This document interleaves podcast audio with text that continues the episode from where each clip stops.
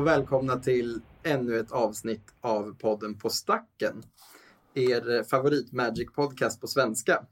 Precis, och det är ju verkligen ännu ett för oss i alla fall eftersom att vi spelade in ett igår. Ja, Det är Ja. första gången. vi har spelat in dubbelavsnitt en gång för länge sedan. Faktiskt. Ja. Hemma hos mig vill jag minnas. För, alltså det typ ett av de för tio första avsnitten Ja, eh, är egentligen, eller två av dem spelades in liksom i...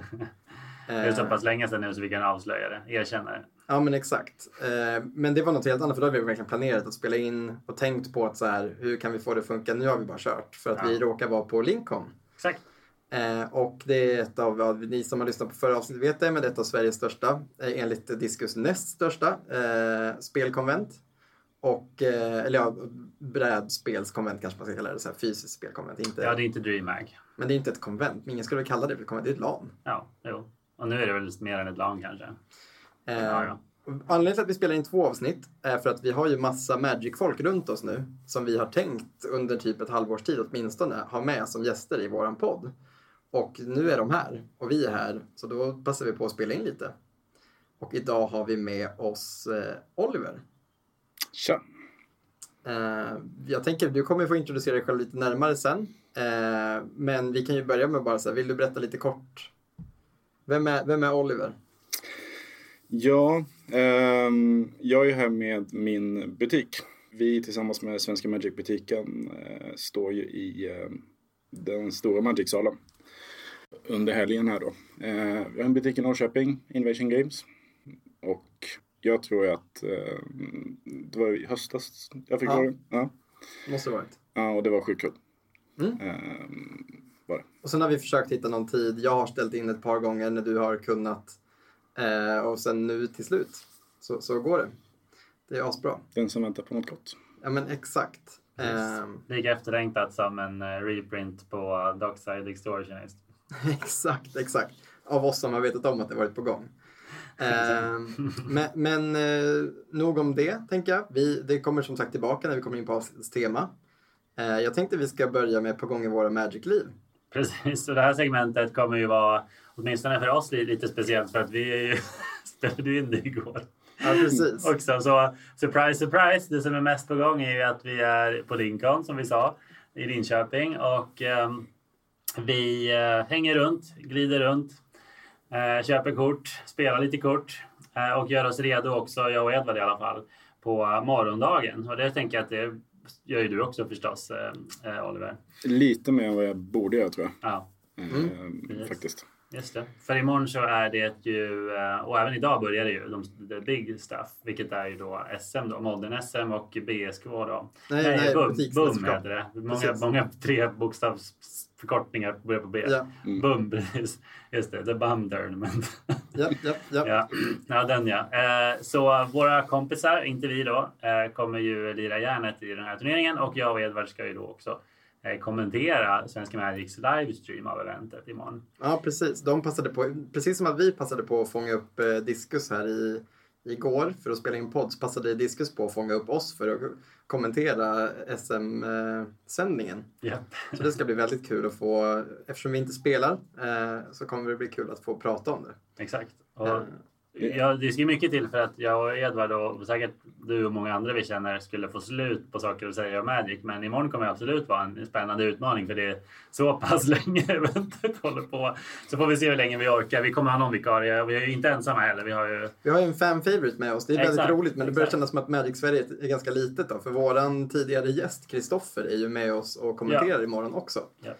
Eh, Så för er som gillade våran kemi kommer det bli mer av det om man tittar på eh, Japp. inspelningen då. Exakt. Om ni tittade får man ju säga nu. För här Men det går ju att se i efterhand om man är väldigt Jo. sugen på att se lite, lite eh, svensk kompetitiv Magic. Ja, exakt. Så det är väl det som händer för mig då. Jag, egentligen, jag, jag har fått lira kanske lite mindre hittills än vad jag hade hoppats. Men jag har haft kul ändå. Det har blivit mest EDH och nästa, det har varit mycket så här, vi borde vara med på Prima, du missade den. Och sen så här, ja, vi borde vara med på den här draften, ja, fast det är så dyrt, åh nej. Och sen så blev det bara EDH. Just det, du var nära på att vara med på Happys eh, det, Invasion eh, block ja, jag snålade ur och var hungrig exakt när det började. Så. ja, och jag var seg på morgonen. Jo, precis. Båda dagarna.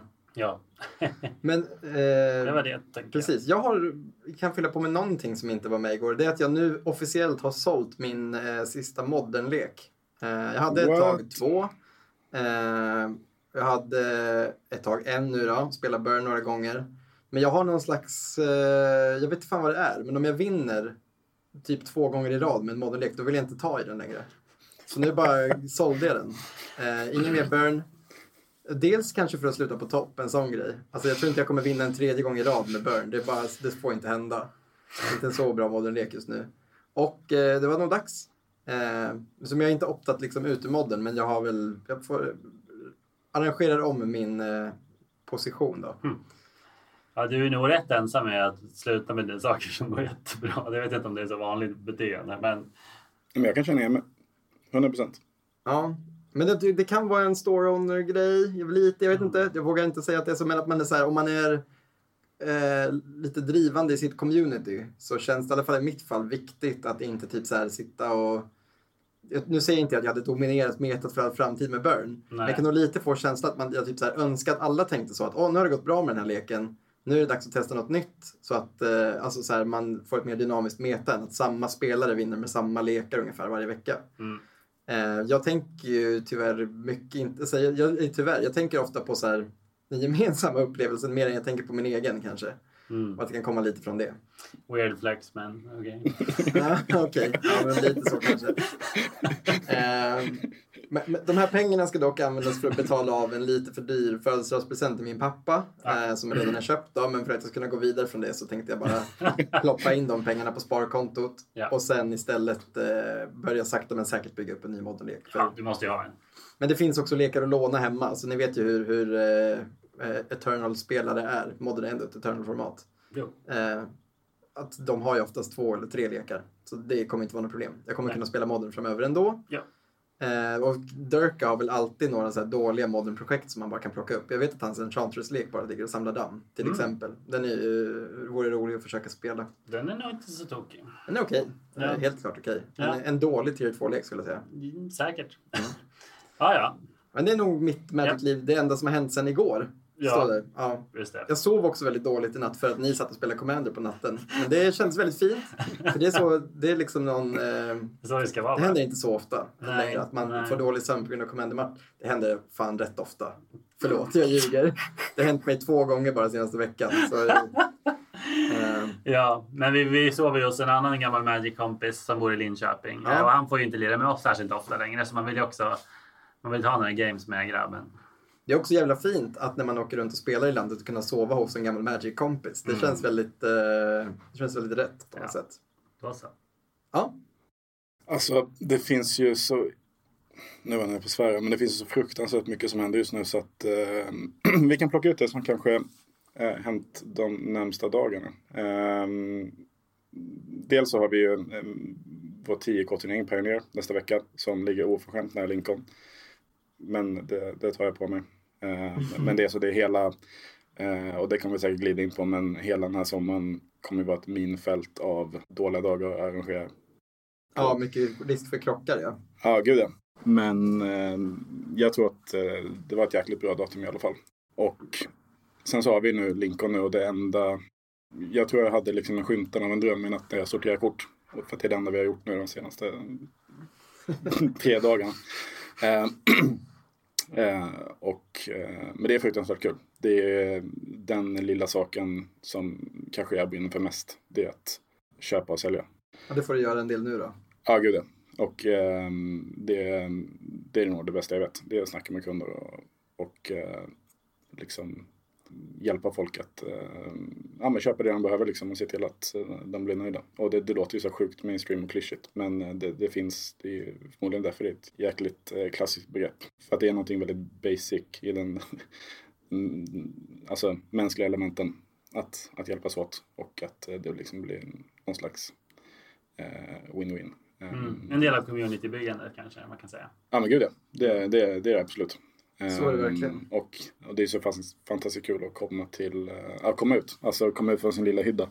Och träffa folk och liksom bygga sitt eget lilla nätverk och community av folk som uppskattar det man gör.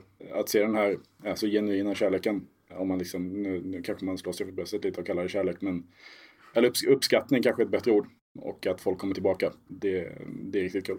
Men annars har jag ju, som jag nämnde innan, förberett mig oförskämt mycket för att ha en butik för att spela ett competitive event. Men eh, det är väl det andra jag brinner för. Det är att spela competitive och eh, senaste var liksom ett ordentligt arrangerat SM i Sverige. Jag vet inte ens när det var. Det har ju varit lite sådär under covid att man har skjutit in lite SM här och där.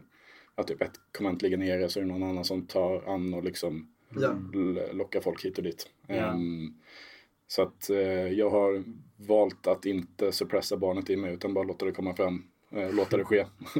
och, Precis, och för vi spela. skrev ju lite om det här. Precis när vi skrev det senast, då hade jag fortfarande kvar min plats eh, i vårt eget eh, butiksmästerskapslag. Och tänkte att jag skulle spela SM, men sen valde valt att göra annat istället nu då. Så jag ska kommentera imorgon. Men då pratade du om att du fortfarande funderade på det. Du var inte helt bestämd så, för att du var lite inne på att det är ganska orimligt, men... Nå, nej, men det var nog, ja, det var nog hur mycket självisk jag ville vara. Och Ja. jag tog nog det mest, eh, eller det enda rimliga själviska beslutet att slotta in mig i laget. Eh, och egentligen bara för att jag tycker lagsport också är faktiskt kul. Som också är en bakgrund. Och att göra någonting tillsammans med andra. Och sen var det inte så många som kunde alla tre dagarna. Perfekt. Eh, så att jag, jag är stand-in eh, om någon blir dålig. Just det.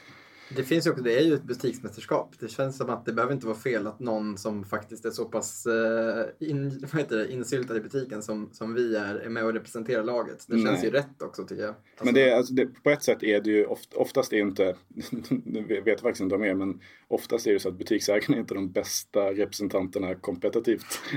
men eh, vilket också är, gör det lite så här cute att de är med, eller vi. Eh, För att då är det, blir det inte så cutthroat. Tar man ut fyra, alltså ex, eh, liksom eh, Navy Train eh, Ja, så då, är det ju, då blir det en helt annan grej. Men det, jag tänker det att är ni är lite som kungen som rider med soldaterna längst fram. Alltså han är inte Ja. bäst på att slåss, men det är moralen.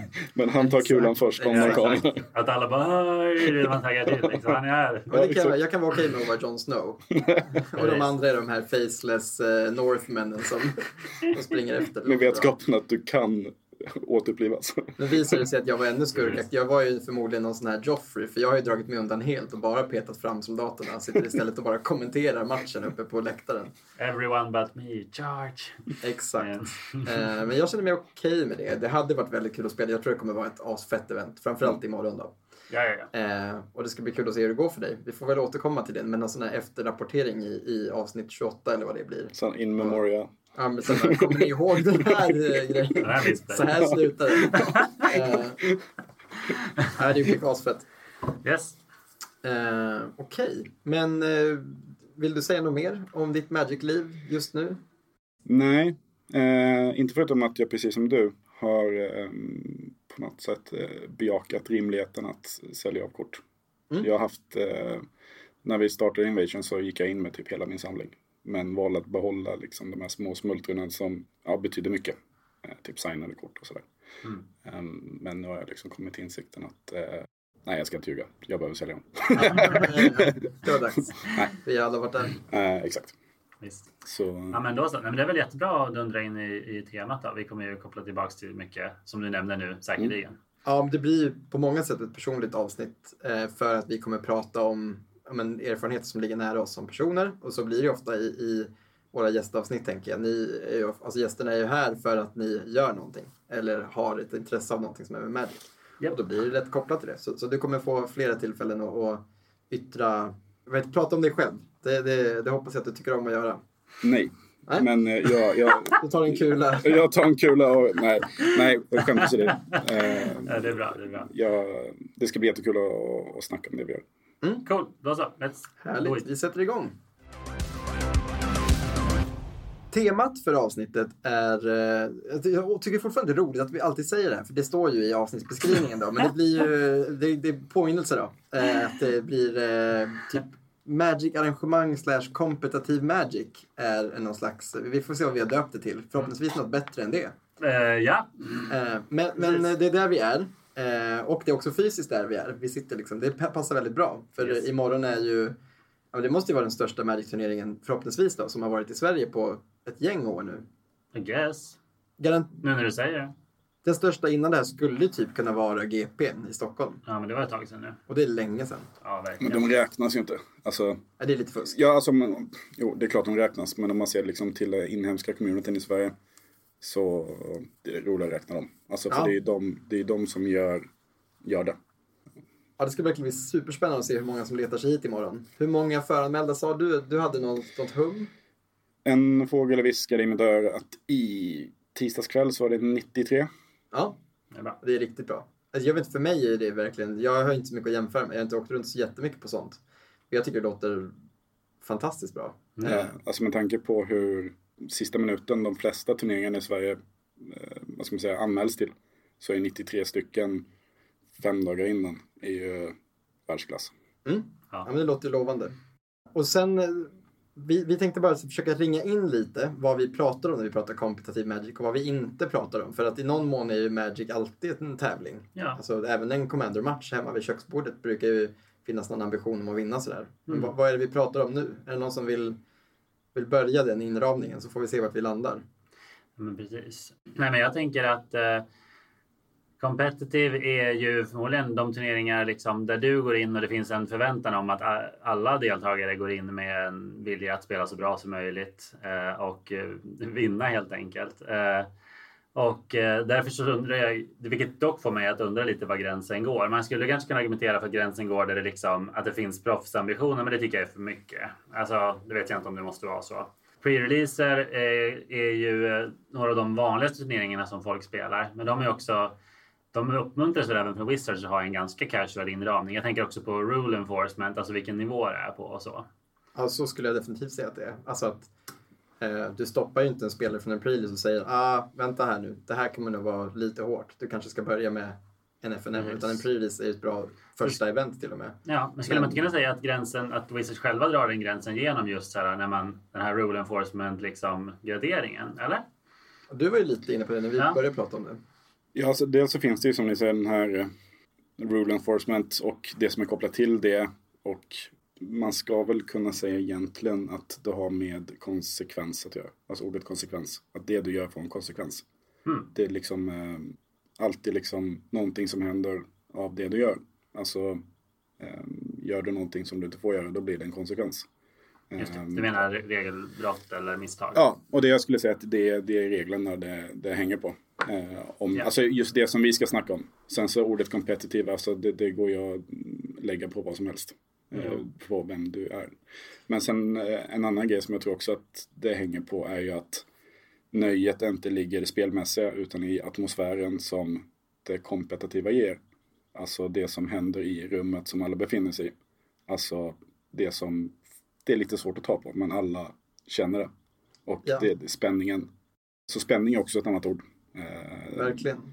även, Bra poäng, för jag tänker att den kom, någonting som du berör nu är väldigt viktigt, att den kompetitiva, man brukar prata typ om scenen inom vissa metan, att det finns en del typ kändisar, även i våran lokala. Man kan liksom peka på någon och säga, ah den där spelaren är bra. Eh, nu blir det jobbigt för min kompis, men nu blev den precis parad mot X från Stockholm eller X från ja, Linköping eller var som helst. Det är, ju, tycker jag det är bra. Alltså det, det finns sådana grejer. Det finns eh, ja, men, känslor. Folk som blir ledsna när de förlorar på ett sätt som kanske är mindre typiskt för andra sammanhang. Mm. Eh, folk som blir stressade. Och börjar, jag har den grejen. Jag blir väldigt så jag börjar skaka mycket när jag spelar kompetitivt. Även om jag kan fortfarande hålla huvudet kallt. Men fysiskt börjar jag väldigt så här, aspig. Eller Ja. asplövig. Men Ja, jag inte aspig. Men, Visste faktiskt inte. Eh, så jag, har, jag kan liksom så här, ja, nästan tappa kort och sånt. Mm. Eh, om det blir typ så här, men det här man vet att det här playet avgör matchen. Nu, ska jag, nu sätter jag ner liksom min sista bolt. Eh, så, alltså man vet ju huvudet att man redan har vunnit. Men just det, så här, någon så dra, dramatisk Mm. känsla. Det är också väldigt speciellt. Det har det har jag aldrig upplevt i Commander. Aldrig någonsin. men då kommer man in på det där med konsekvens igen. Att det du gör skapar en känsla hos dig. Som är kanske tio gånger mer dramatisk än om du spelar ett casual event. Så Exakt. inte bara regelmässigt. Men den matchen du spelar just nu, du vet att sist du spelar ett event och du missar ett topp 8 så blir du helt förkrossad. Och din kropp vet det. Att nu är det dags igen. Ja. Så att nu skakar du dubbelt så mycket som förra gången. Nej men exakt. Jag tänker att även de som inte, om det nu mot all förmodan är någon som lyssnar på det här avsnittet och inte spelar Magic.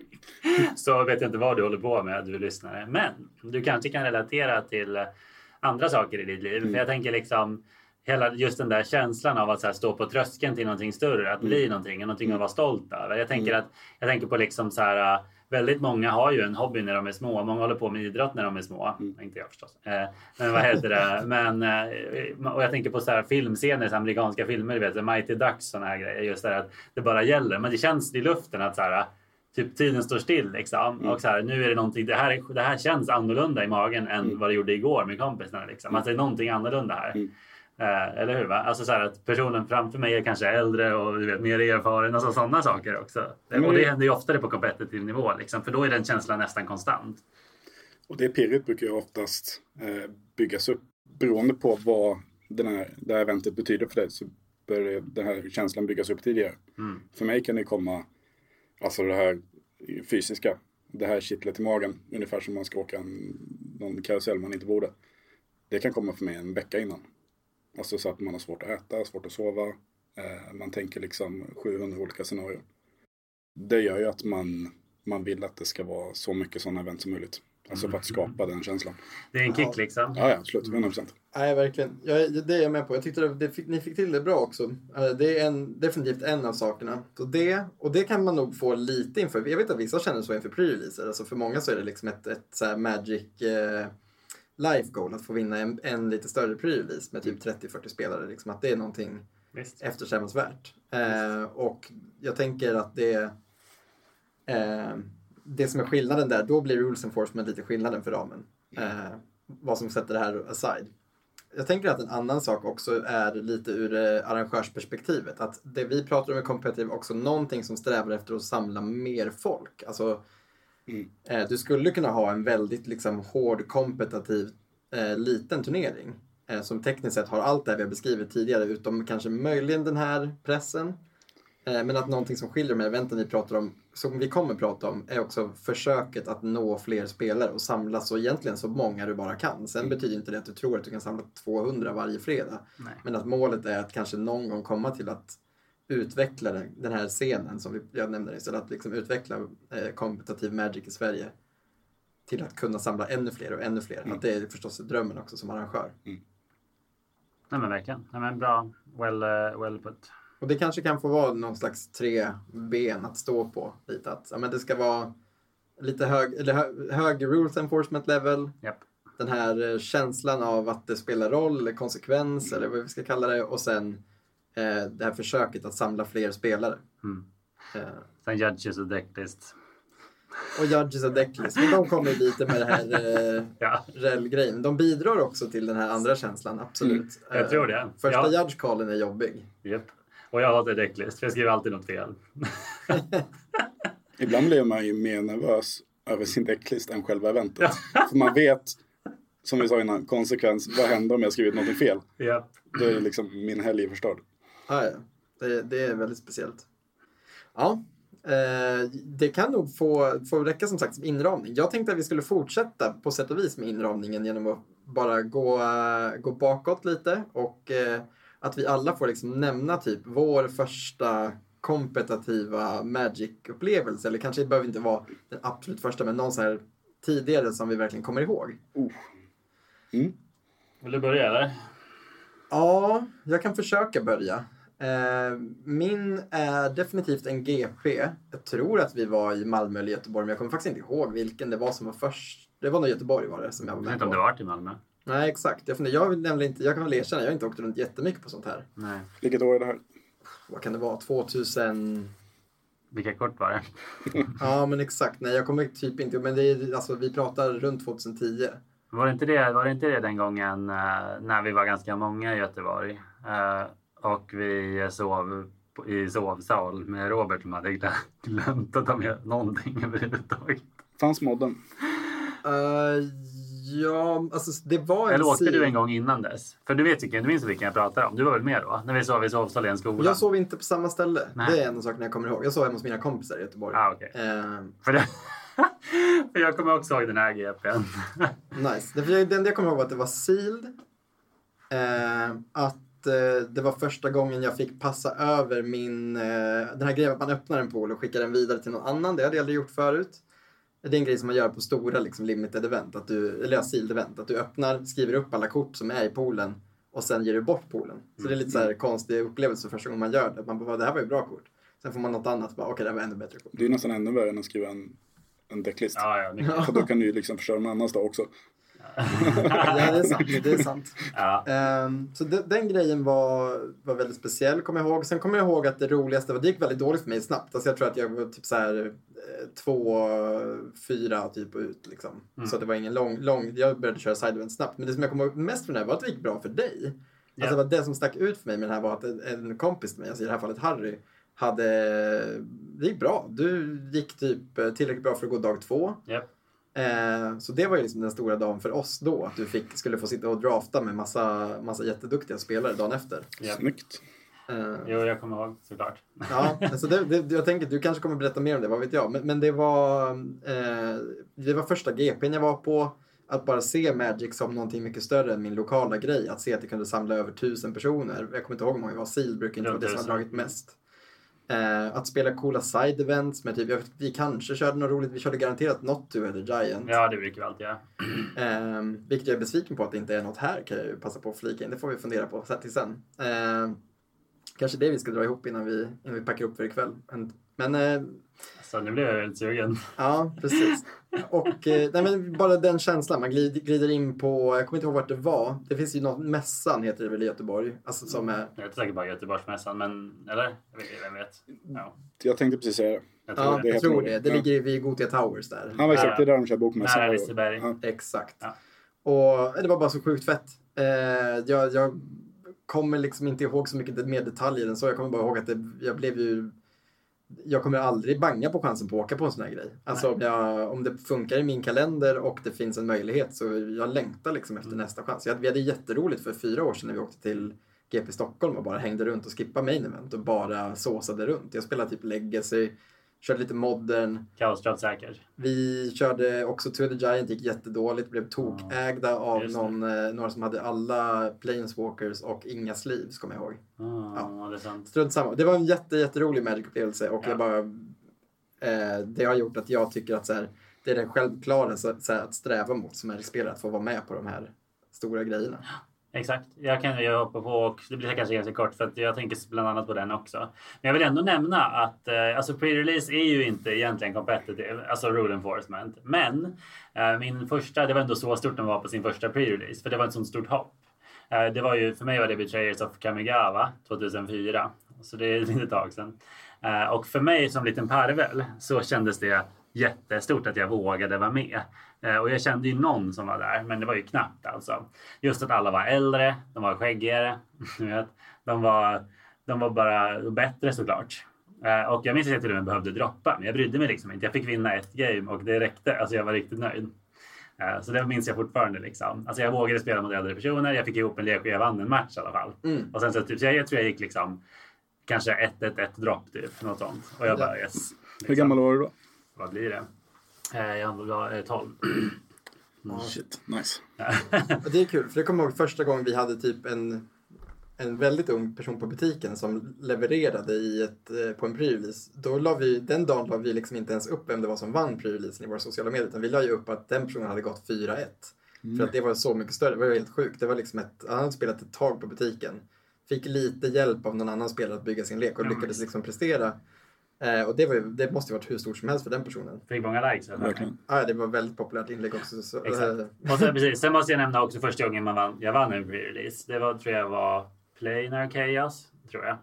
Eh, och det var också jättestort såklart. ja. Eh, och det kan spela in i varför det brukar säga att det är mitt favoritblock, alltså Times Square-block.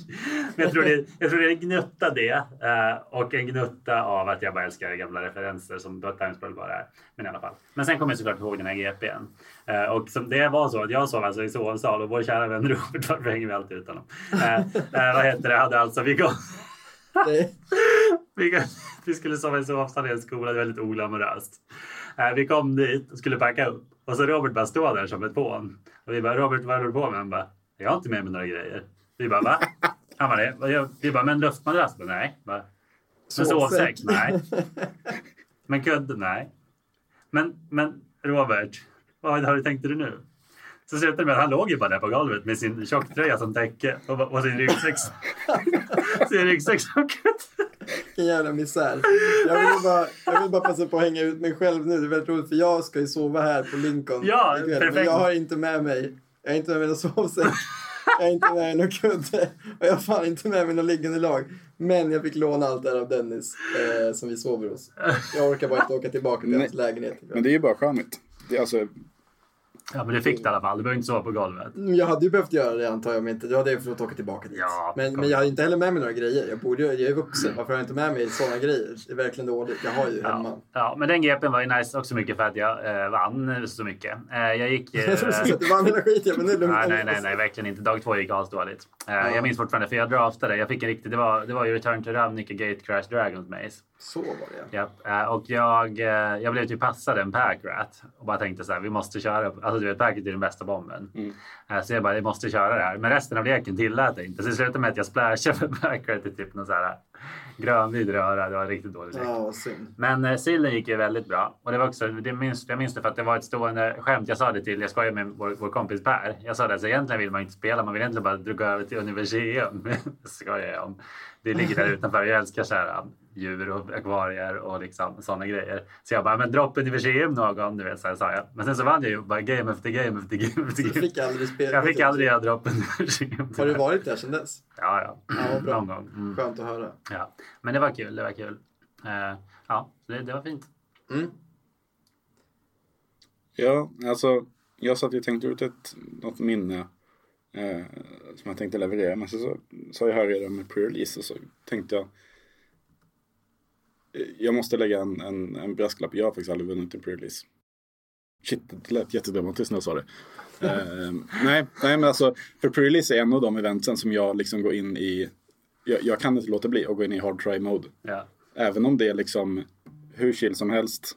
Det är alltid några som spelar sitt första event. Mm. Vilket är det mest fantastiska som finns. Är att eh, någon går från köksbordet till att spela ett organiserat event och få, få mer smak. Men jag tror jag var typ 12 eller 13 och min mamma fick eh, skjutsa mig eh, till den här pre-releasen. Eller skjutsa mig till bussen. Det var becksvart för det var på vintern och det var alltså sån stormvarning och typ vad jag minns en meter snö. Och eh, det var liksom helt fantastiskt att det ens gick en buss.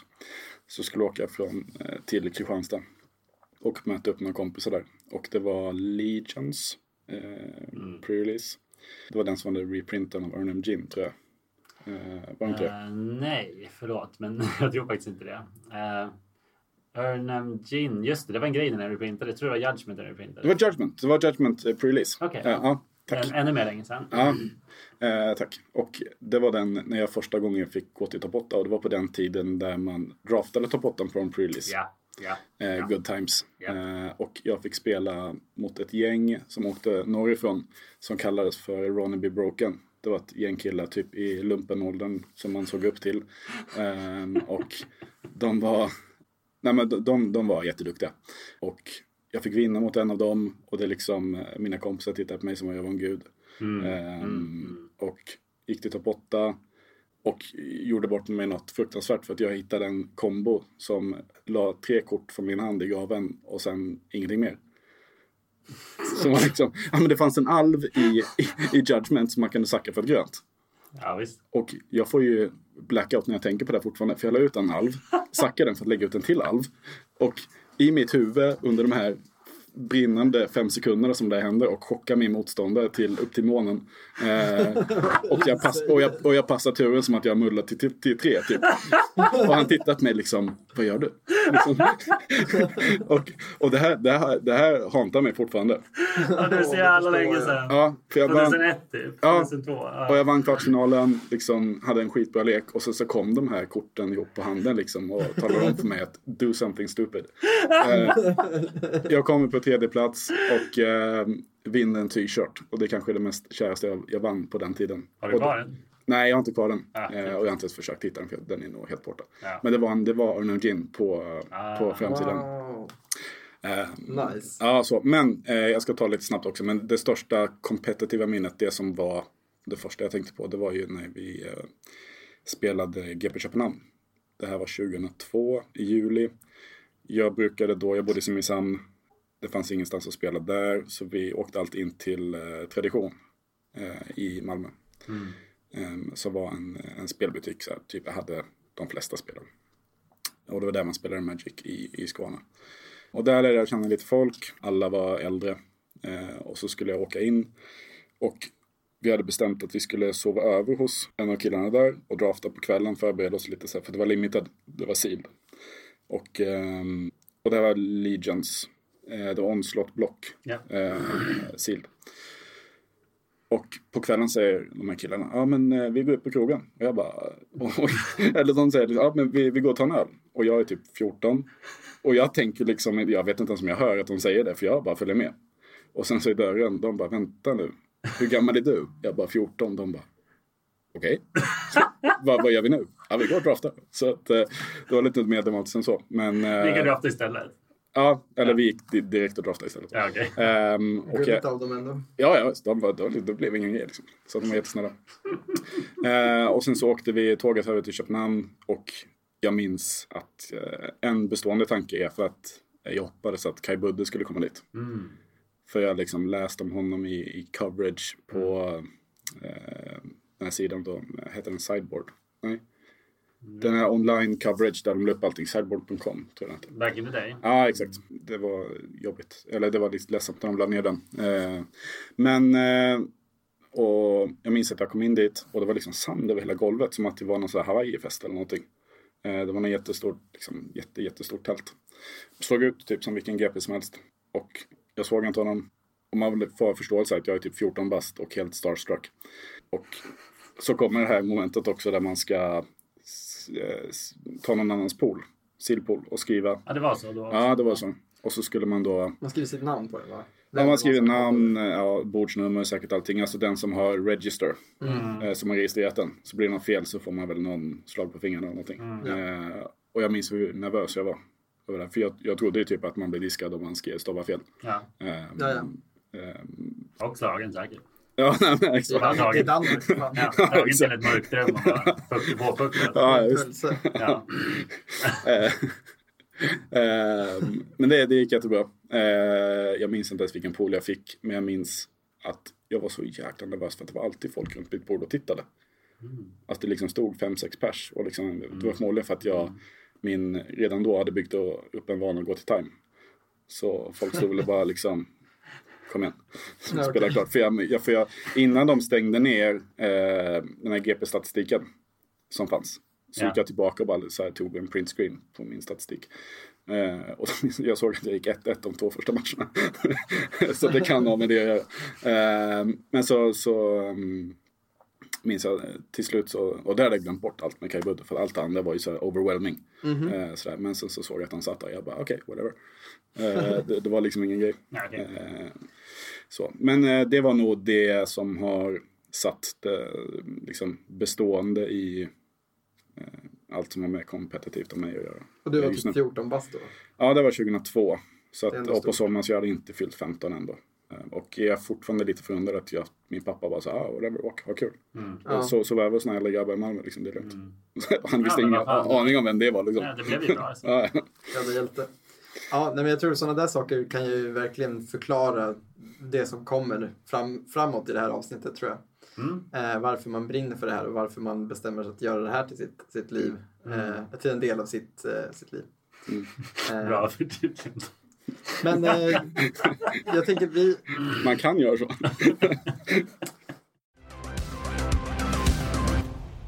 Då har vi lite satt eh, arenan här.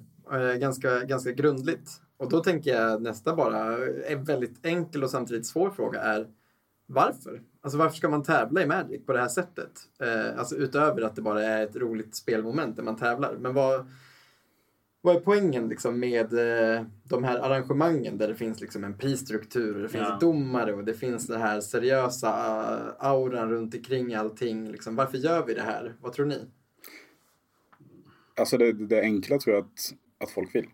Alltså jag träffade en, en, en bekant från, eh, från Linköping här nere, eh, precis innan. Och hade en t-shirt där det stod ett namn på, på ett brädspel. Eh, och jag frågade så, ah, men ska du vara med i SM imorgon? Han bara, nej jag ska tävla i det här brädspelet. Jag bara, det kan man också tävla i. Ja. Liksom, varför kan man inte tävla i vad som helst Ja. egentligen? Så mitt korta svar är nog bara att det är att folk vill. Alltså, Ja. Ja, att tävla är kul tror jag. Alltså, jag Ja. vi, har redan, vi har redan nuddat lite vid det. Alltså, jag tänker allt ifrån just de här, alltså att vinna, alltså att förbereda sig, möta motståndare, speciellt folk man inte känner, att Mm. mötas liksom från delar av Sverige eller bara delar av staden eller ibland till och med delar av hela världen Mm. för att avgöra vem som är bäst. Det är ju något som fascinerat liksom. Nu blir man sån, alltså så här, amatör liksom etnolog eller så, men alltså eh, att det har ju fascinerat folk i alla årtusenden liksom. Alltså tävlingar eh, och ära och berömmelse att vinna liksom. Jag tror att det är, väl, att det är väldigt många som dras till det. Vissa, vissa är ju inte alls intresserade och det är ju fullt respekt. Alltså det är helt respekt för det liksom. Alltså, och med Magic tror jag att det är fler än man tror också som är så. Att de faktiskt Ja, ja, ja. inte, nej nej nej, alltså som bara kör köksbords, bara kör commander. Men det vet vi ju. Ja, vi vet vet. att av de som spelar hos oss i vår butik, Ja. trots att så pass många är här och spelar nu så fick jag precis en rapport från eh, vår kollega att det är, det är fullt ös ändå. Folk är där och de vet inte ens vad, alltså de flesta, av dem- många av dem har ju spelat sånt här förut, så Ja. inte det. Mm. Men många av dem, de, de lockas ju inte riktigt av det här Nej. med större Nej. turneringarna. Nej. Och kanske inte kan komma iväg tillräckligt länge för att det ska vara värt för typ side events. Precis. Eh, men, men just, just att eh, det har ju också ändrats. Jag tror att vi kommer från en tid när det var det här var liksom lite vanligare att det var det bästa. Att många tyckte det här var det roligaste. Många ville följa med på sånt här. Det var, det var lite mer en del av det. Till att det nu har blivit, liksom köksbord har blivit ännu större. Alltså det här sättet att man sitter ner med ett gäng polare och spelar väldigt avslappnat. Har lite tack vare Commander. Typ, Mm. det, alltså hands down kanske bästa Magic-formatet som har kommit hittills. Eh, på många sätt. Kanske inte för, vår del, men den allmänna eh, Ja, uppfattningen. Eh, har ju ändrat det här paradigmet lite. För att för dem finns det ingen jättemening med att åka hit. Så. Och det säger inte jag att det är för att arrangören har missat något, utan det är bara för att det sättet man spelar på gör att det inte finns exakt samma poäng med att vara 100 pers. Nej, Mm. visst, visst. Mm, Men, men, men annars så är det som vi nog har varit inne på, liksom, att de här storyna vi berättar där säger ju också någonting. Alltså, det är ju minnen för livet, ibland traumatiska minnen. Alltså som det där jättekonstiga playet liksom, Judgment Limited. Liksom. Oh. Men, men, men, men ändå, det är ju det. Vi kommer ihåg det. Liksom. Alltså man, jag tror att ja, vi alla kommer ihåg så här, särskilda plays eller missplays. Liksom. Eh, för att det är ju något som händer, den där känslan i luften, den där nervositeten. Jag tror det är mycket det alltså. Och det tror jag alla som tävlar i vad som helst känner igen sig i. Liksom. Ja. Så det är klart det är så. Också i ett lite mindre land som Sverige, där det bara finns egentligen, jag brukar säga att det finns bara en storstad i Sverige. Eh, och där finns det då en ännu större poäng med det. För ett, liksom, ett gäng i Eskilstuna kan liksom inte bli hur stort som helst och spela Magic. Inte vad vi vet, inte vad vi har sett än så länge i alla fall. Eh, och då finns det en ännu större poäng med att försöka göra de här större sakerna som samlar fler. Och för att locka folk till dem så måste det ju bli någonting seriösare. Mm. Och sen kommer du in på andra saker som att om du ska ha råd att ha domare som får någon slags ersättning, vilket ändå är, är någon slags kutym. Eh, då behöver det också bli större för att det ska liksom finansieras på något sätt. Om du ska ha möjlighet att ha en bra lokal, då behöver det också bli större för att det ska gå att finansiera. Så det blir också som att säga, size matters på ett annat sätt när du ska göra det är roligt för det behöver liksom bli större för att kunna bära sig själv på något sätt också. Det Mm. kompetitiva och allting vi förväntar oss i det. Mm. Eh, och då finns det också någon slags... Eh, ja, men det, det tänker jag är en del av, att bara få, få till det här stora. Eh, och då tävlingarna, vad, vi- vad vi vet, är det som lyckas samla mest Magic-spelare. Vi har inte sett någon, vad jag vet, lyckas göra liksom ett jättestort casual Magic-event. Jag har inte... Commandfest finns ju nu Just det, eh, just det, internationellt. internationellt. Men jag vet inte, jag vet inte knappt hur det funkar faktiskt. Det är väl en USA-grej, det har bara varit Las Vegas, eller? Har de haft den? Jag vet inte. Jag tror att det är på gång nu, alltså Ja. över hela världen. Men eh, det har nog inte kom, börjat än. Jag tror de bara lyft ut det som de hade Command Zone på alltså GPS eller Magic Fest och bara lyft ut det och gjort det ännu större. Ja. Ja, väldigt spännande att se om det lockar. Alltså. Det kan det nog absolut göra. Men, men jag känner ju spontant att det är, det är någonting helt annat. Det kommer ju liksom existera typ parallellt med det här vi pratar om. Ja, ja. Eller kommer vi bli side-eventen på, på Command Command Fest? Ja, exakt. Ja, där är de där mod- modern-spelarna. Ja, det Vilka jävla är gull, freaks. gulligt. Ja. Competitive Zone. Får en sån här liten ruta i hörnet. Ja, exakt. Precis. Imagine Ja, de har en sån domare. Ja, vad roligt. Ja. Nej, ja, inte riktigt, men, men kanske lite. Men vad, vad har vi sagt? Jag, jag tänker det, det ni var inne på är ändå kanske det mest relevanta, den här Ja. känslan. Det är Jo. det man är ute efter. Alltså eh, att få test your metal på något sätt. Ja, visst. och, One shot at glory. Kom, lite komma bort från sin, det var det jag försökte säga och så gled jag in i något annat, men att komma bort från sin kanske lokala invanda meta där du vet att ah, den här personen spelar den här leken. Mm. Medan du verkligen säger helt clueless när folk, någon lägger första kortet och du måste börja räkna i huvudet. Okej, det är ett mountain, det kan vara de här lekarna. Okej, det är en eh, eh, island, det kan vara de här. Och så ni fattar. Mm. Eh, men du har ingen aning vem personen är. Liksom. Nej. Men jag tror också att det har med alltså, det, alltså känslan att om du älskar någonting riktigt mycket. Hur man letar ju hela tiden efter att kunna få någon slags hävstångseffekt på den här känslan. Hur kan jag få det? Hur kan jag känna ännu mer kring det? här? Som jag säger då att jag älskar Magic. Um, och hur kan jag liksom provocera fram ännu starkare känslor kring Magic? Uh, och har man då har man inte varit på ett competitive event eller liksom förberett sig inför och känt den här spänningen så vet man inte riktigt om det. Men har man varit på det en gång så vet man ju om att shit, det här fick mig att eh, liksom känna Magic i kvadrat. För att det, alltså typ make it matter liksom. Ja. Att det står så mycket på spel och jag vet att många går ju helt utom sig när det blir competitive just för att det, det, det, har man liksom lagt ner en månad och spelat typ en Magic Online-liga per kväll och sen kraschlandar fast det har gått jättebra under förberedelsen. Då, är det liksom, då kanske man inte får se den personen på sex månader liksom för att det betydde så mycket. Alltså det kan ju vara, alltså man kan ju dra det paralleller liksom till elitidrottare. Ja. Alltså typ eh, höjdhoppare eller vad som helst som har förberett sig under hur lång tid som helst. Och sen liksom kanske bara feltrampar iväg ett helt OS. Ja. Alltså de, de kom förmodligen under jorden eh, ett tag. Ja. Ehm, och Så kan det definitivt vara för oss också tror jag. Ja, ja, definitivt. Och, Ja, eh, så jag tror egentligen har det bara med basic human beings. Alltså alla vill betyda någonting. Och man vill betyda någonting för det som betyder någonting för en själv. Och det är ju i det här fallet Magic. Just. Ja. Bra sagt. Vi kan till och med liksom nöja oss tror jag. Där. Det var en bra, bra slutkläm på den, eh, den rubriken tycker jag. Vi, vi har ju också inte bjudit in dig som en helt random person som älskar kompetitiv Magic. Vilket jag antar vi gör väl också. Jag tror vi, vi är dåliga företrädare för kompetitiv Magic för att vi anstränger oss inte så mycket och åker runt på sånt här. Men vi älskar det ju. Alltså både du och jag tycker ju väldigt mycket om att spela Constructed. Visst, och får man chansen bangar man egentligen sällan på att spela så. Eh, samtidigt har vi inte gått out, out of our way den här helgen för att vara med i några event och så. så det, vi, som sagt, vi kanske inte är de bästa representanterna. Vi sitter ju inte nere och grindar i modernligan på Dragon's Lair till exempel. Nej, nej inte, inte just nu i alla fall. Men du är ju inte heller här av den anledningen, att du är liksom den mest aktiva kompetitiva spelaren i Sverige. Det är jag definitivt inte. ja, kanske just den anledningen till att jag är här. Ja, precis. Så jag tänkte vi skulle börja komma in på det nu då, så, Ja. att, vi, så att vi rör oss framåt i våran eh, eh, i avsnittet. Och det blir lite att börja prata om Invasion Games och Mm. eh, eh, även eh, Invasion Tour. Eller, eh, ja, du, du får, jag ska inte sitta här och Mm. Nej säga men alltså det, kan. är- det är väl spot on. Det är väl det vi kallar det Mm. just nu. Ehm, och ja, det finns väl ingen anledning att byta men det är ju det, det är en turneringsserie om man bara ska liksom lägga the basics som i ett eh, egentligen att vi nosar lite på möjligheten att kunna ha en typ av nationell sammankoppling av de spelarna som finns i Sverige eh, som vill spela competitive.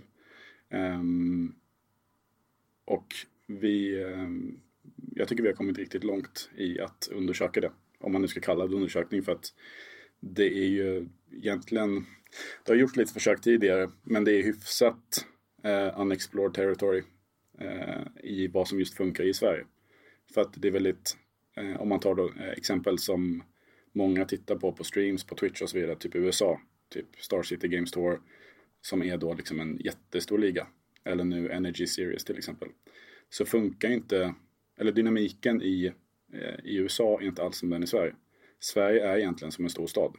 Ehm, och inte sådär... ehm, det, är, det är så mycket mer pengar i, i USA, eller i de stora turneringarna. Folk har ju i alla fall till för ett tag sedan kunnat livnära sig på en icke-officiell turneringsserie, vilket är helt fantastiskt. Och liksom, Mm. Det skulle aldrig kunna hända i Sverige. Men kan man göra det på en, till den nivån att folk, att vi får skapa känslor. Att folk får känna att det betyder någonting. Att få liksom känna Magic i kvadrat Mm. på hemmaplan i Sverige. Att inte behöva åka till Sofia i Bulgarien för att spela en GP-like tournament. Ja, just det. Ehm, och det är lite där vi är nu, att vi nafsar lite på, på vad kan funka i Sverige. Ehm, och ehm, ja, Ja, det är ju verkligen det är ett väldigt, eh, får man börja med att säga, att det är ett väldigt häftigt initiativ. Alltså stor grej att få för sig att göra. Kudos till dig och jag gissar andra som är inblandade än så länge. väldigt mycket folk. För även för mig så har det funnits ambitioner om att vi ska lyckas hålla större event hemma och jag vet ju hur svårt det är. Så jag vet hur svårt det är att, som du säger, att bygga den här hypen, att få folk att faktiskt göra resan dit. För vi, precis som er, är helt beroende av att det dyker upp folk från andra orter liksom, för att kunna göra något som är, är större. Jag visste, vi har ju planerat konvent ett par gånger. Ja, vi har gjort några konvent, försökt locka dit folk. Vi har liksom eh, ja, men försökt eh, bygga broar till andra delar av närliggande Magic Sverige i alla fall med typ Örebro och Västerås och har ju relationer och det är verkligen fantastiskt. Och Ja, jag vet att våra spelare gärna åker och spelar hos er till exempel. verkligen. Eh, och man kan prata om något sånt som våra och era spelare. Men, men det är så lite så finns det, att man, hör, man hör hemma någonstans. Ja, Men just att det, det jag tror, också precis som dig, att någon måste ju börja försöka för att vi vet inte. Alltså vi vet inte hur det här ska se ut i Sverige. Eh, och det, det är ju eh, modigt verkligen och, och väldigt, eh, väldigt fint att någon tar de här helt nödvändiga eh, stegen framåt. Tack. Ja, så vi, vi börjar med att säga, ja det är vi som ska säga tack tänker jag. Det, det är du som gör en stor insats som skulle kunna bli något fantastiskt. mm. Eh, Nej, men verkligen. Det, det, är ju det är så, toppen. Eh, Det, ju, det krävs ju verkligen. Det krävs ju lite ansträngningar, det krävs ju lite eldsjälar och det krävs ju lite planering och lite arbete som sällan är särskilt välbetalt. Det pratade vi om igår också i avsnittet med Diskus angående att bygga upp Svenska Magics hemsida och sånt Mm. där eh, och communityn där och hålla igång föreningen. Alltså det är ju många unsung heroes i bakgrunden. Gud ja. Ibland känns det som att det finns en butiksägare eller liksom butiksvolontär för varje spelare. Men riktigt så illa är det nog inte. Men Ja, det Vi är är inte långt många. ifrån alltså. nej, vi är väldigt många som håller på att kämpa för att det här ska funka på andra sätt än att bara dyka upp. Vilket ju också är en viktig insats kan man väl säga. Alltså att vara med och spela. Och, Ja, alltså de här riktiga spelstammisarna är ju, gör ju också en insats bara genom att... Alltså det är också verkligen ett viktigt sätt att brinna för hobbyn på. ja Alla kan inte bara arrangera. så är det. Men, men jag tänker vi ska tillbaka till, eh, till Invasion. Eh, vad är liksom, vart befinner ni er precis just nu? Om vi inte pratar så mycket om vad det skulle kunna vara. Utan så här, vad, vad är det just nu det här första året? För det, är ändå, det här är ju det första Invasion Games-året kan man väl säga. Och då menar du relaterat till events eller? Ja, eventsen. Ja. Ja. för det är också en, Ja. en lokal butik i, Ja, i eh, Ja. precis som all, ja, en- vilken LGS som helst. I, eh, Ja. Eller ja, en väldigt, det är inte som vilken som helst, men ni har er LGS liksom i Norrköping. Ja, nej, men Men den, den är ganska odramatisk. Ja. touren. Ja, men exakt. Um, alltså just nu så håller vi bara på att, eller bara på, att egentligen processa det som hänt. Vi har haft två events. Vi hade först en modern, sen hade vi en legacy, båda 10K. Och liksom processar det och se, egentligen planera framåt för, för nästa år. För det är då vi tror att, eh, eller helt övertygade om att då kommer vi ha satt konceptet. Det här vill, vill Sverige ha. Och det kan ju faktiskt landa i att Sverige vill inte ha det här. Mm. Och det, det får man ju liksom vara öppen med. Alltså, Invention Tour är ju egentligen ingenting som är... Det, det låter ju sjukt själviskt som är skapat. Att vi ska skapa det, att vi liksom ska skicka ut en gallup och fråga vad vill ni ha och så skapar vi det. Utan det är ju, kommer i grund och botten från någonting som jag tyckte inte fanns. Mm. Eh, och så säger för, ah, men då får vi väl kolla om, om det går att fixa här så får vi sköta det själva liksom. Ja, vi blev precis, på tal om competitive magic, lite avbrutna. Sådana situationer som kan uppstå runt det. Någon som hade missförstått någonting. Och, eh, ja, vi, vi hade precis sagt att vi, det är läge för, eh, eller läget nu för eh, Invasion Tour att lite bara kolla marknaden. Alltså ta tempen på... Ja, samtidigt så vill man ju att det, att det isolerat varje event blir så bra som möjligt. Ehm, men vi har liksom inte den pressen på oss själva. Att vi ska dra 100 pers till varje event. Utan, ehm, Här låter ju vettigt. ja, eh, nej men visst är det så. Och, eh, men sen också så finns det ju, ehm, när man går från att vara eh, föreningsaktiv till att faktiskt ha en butik eller ett aktiebolag med allt vad det innebär. Så är det också, finns ju alltid det här täcket över en liksom så här, hur länge kan ni hålla på? Och bara testa marknaden. Ja, ja, Liksom, ja. hur mycket får det kosta? Eh, och vad händer liksom vid slutet av regnbågen om kontentan är liksom att ja, men, Sverige vill inte ha sånt där. Det är liksom, folk är fine med att en GP varannat år. Liksom. Det, Mm. då, ja, ja, men då, då får det bli som det blir liksom. Ja, Mm. just det. En GP och lite konvent. ja, men exakt. Så det har varit ändå nu ganska länge. Även om det förstås händer lokala grejer ibland blir det något som blommar Ja. upp och händer. Men det har inte, alltså den konsekventa under vår tid har ju varit som du sagt en GP vartannat år. Eh, och de här konventen som man kan åka Ja, på. och så vet jag att det finns just där, när det kommer till Legacy och Vintage och liknande. De, det gänget känns som att de lever ett eget parallellt liv eh, med små events här och där. Men som är också återkommande. Framförallt Winters lever sitt parallella liv. Legacy känns som att de ändå de har en modellek ofta, många av dem. jo, det är precis. Ja. Ja, Ah, ja. men så Mm. kan det nog vara. Vi, ehm, det, det som jag tänkte att vi skulle prata om nu, vi kan i alla fall glida in lite i det, är... eh, Topp 10-listan kanske. ja, precis. Det kan vi göra. Ska vi göra så? Och sen fortsätter vi efter det. Jag tror det. Ja, men det är bra. Absolut. Tack för avbrottet. Men eh, det blir skitbra. Eh, det här är en topp 10-lista som jag, jag kan eh, fri, svära mig fri från ansvar här. Jag har inte varit med och petat så mycket i den. Eh, utan jag tänker att jag, eh, jag lämnar, jag, jag säger vilken, jag säger ordningen och sen får ni motivera. Absolut. Eller jag tänker framförallt Oliver. Ja, precis. För det är en tradition att Oh no. eh, topp 10-listorna är lite kopplade till gästen nu. Det börjar Ja. bli en tradition. Det, Ja, det är det. Och eh, idag ska vi prata topp 10 UV-kort i modern. Alltså, eh, precis som Edvard sa så brukar vi försöka koppla topp 10-listan till gästen. Och vi var väl inne här lite på så här, eller jag, min, mina tankar han hoppa till liksom någonting tydligare kopplat till temat. För det här är kanske någon direkt tänkte, det här har inget med temat att göra. Stämmer bra, inte mycket med temat att göra. Men det hade också varit svårt att ha så här, topp 10. Vi skulle kunna haft typ topp 10 svenska Magic-spelare genom tiderna. Men det kan jag bara inte. Alltså jag tänker bara Det säga är också svårt med 10 känner jag. Alltså om du ska börja med sånt, då börjar det bli ganska Man får gräva långt bak alltså. Ja, precis. Och, eller vi hade kunnat ha så topp 10 största turneringar som varit i Sverige. Ingen aning. Nej, exakt. Och det är också konstigt, jag vet inte många, det är inte så relaterbart. Nej. Men många av er som har lyssnat, eller som lyssnar, har någon gång behövt stå ut med att möta blåvit kontroll i modden. Exakt. Och Om det ni inte har fått det än så hoppas jag att ni kommer få göra det, för det är en alldeles särskild spelupplevelse. Så är det. Och det råkar vara din favoritlek, Oliver. Ja, och det är egentligen kopplat till kanske lite det kompetitiva att ehm, det är lite så här självspäkning att spela Blåvitt kontroll. Det är någon slags eh, piska på ryggen att sliva upp den. För man vet att eh, det kommer förmodligen göra väldigt ont. Eh, För alla inblandade. ja, för alla inblandade blir bara sjukt dålig stämning. Liksom alla är missnöjda, sen går man hem. Eh, nej, men det är nog främst tillkopplat att jag, jag är inte jätteduktig på Blåvitt. Inte? Men, men jag älskar, nej, nej, absolut. Det säger men du jag- säkert bara. Nej, men jag, jag älskar att spela den i alla fall. Eh, just för att det är det här underdog-grejen. Att när du spelar Blåvitt så börjar du alltid på minus. Och så måste du ta dig på något sätt tillbaka. Du får liksom ingenting gratis. Mm. Lite så är det nog. Det är, inte- jag skulle säga att det är rättvis lek samtidigt som den känns väldigt orättvis när man förlorar mot den. Ja, gud ja. Det är, alltså det, man vill ju sluta med Magic oftast. Precis. Men det- den som, för mig, definitionen innan vi går in på listan, det är roligt. Man skulle kunna haft ett helt avsnitt bara om blåvitt kontroll tror jag. Den, Ja, det är en väldigt ja. så här metadefinierande, har varit och i någon mån är det. Det är en, Ja. det är en lek man alltid måste förhålla sig till. Jo. Och det är precis som du säger känner jag också, att man har alltid som blåvit kontrollspelare en match. Alltså oavsett vem du sätter dig och spelar mot så har du ju en okej winrate. Alltså du har aldrig den här helt bedrövliga. Det är inte som det är för vissa typ gravlekar, så ja, de här maindeckare här, så jag kan inte vinna. Eller Mm. som det är tvärtom.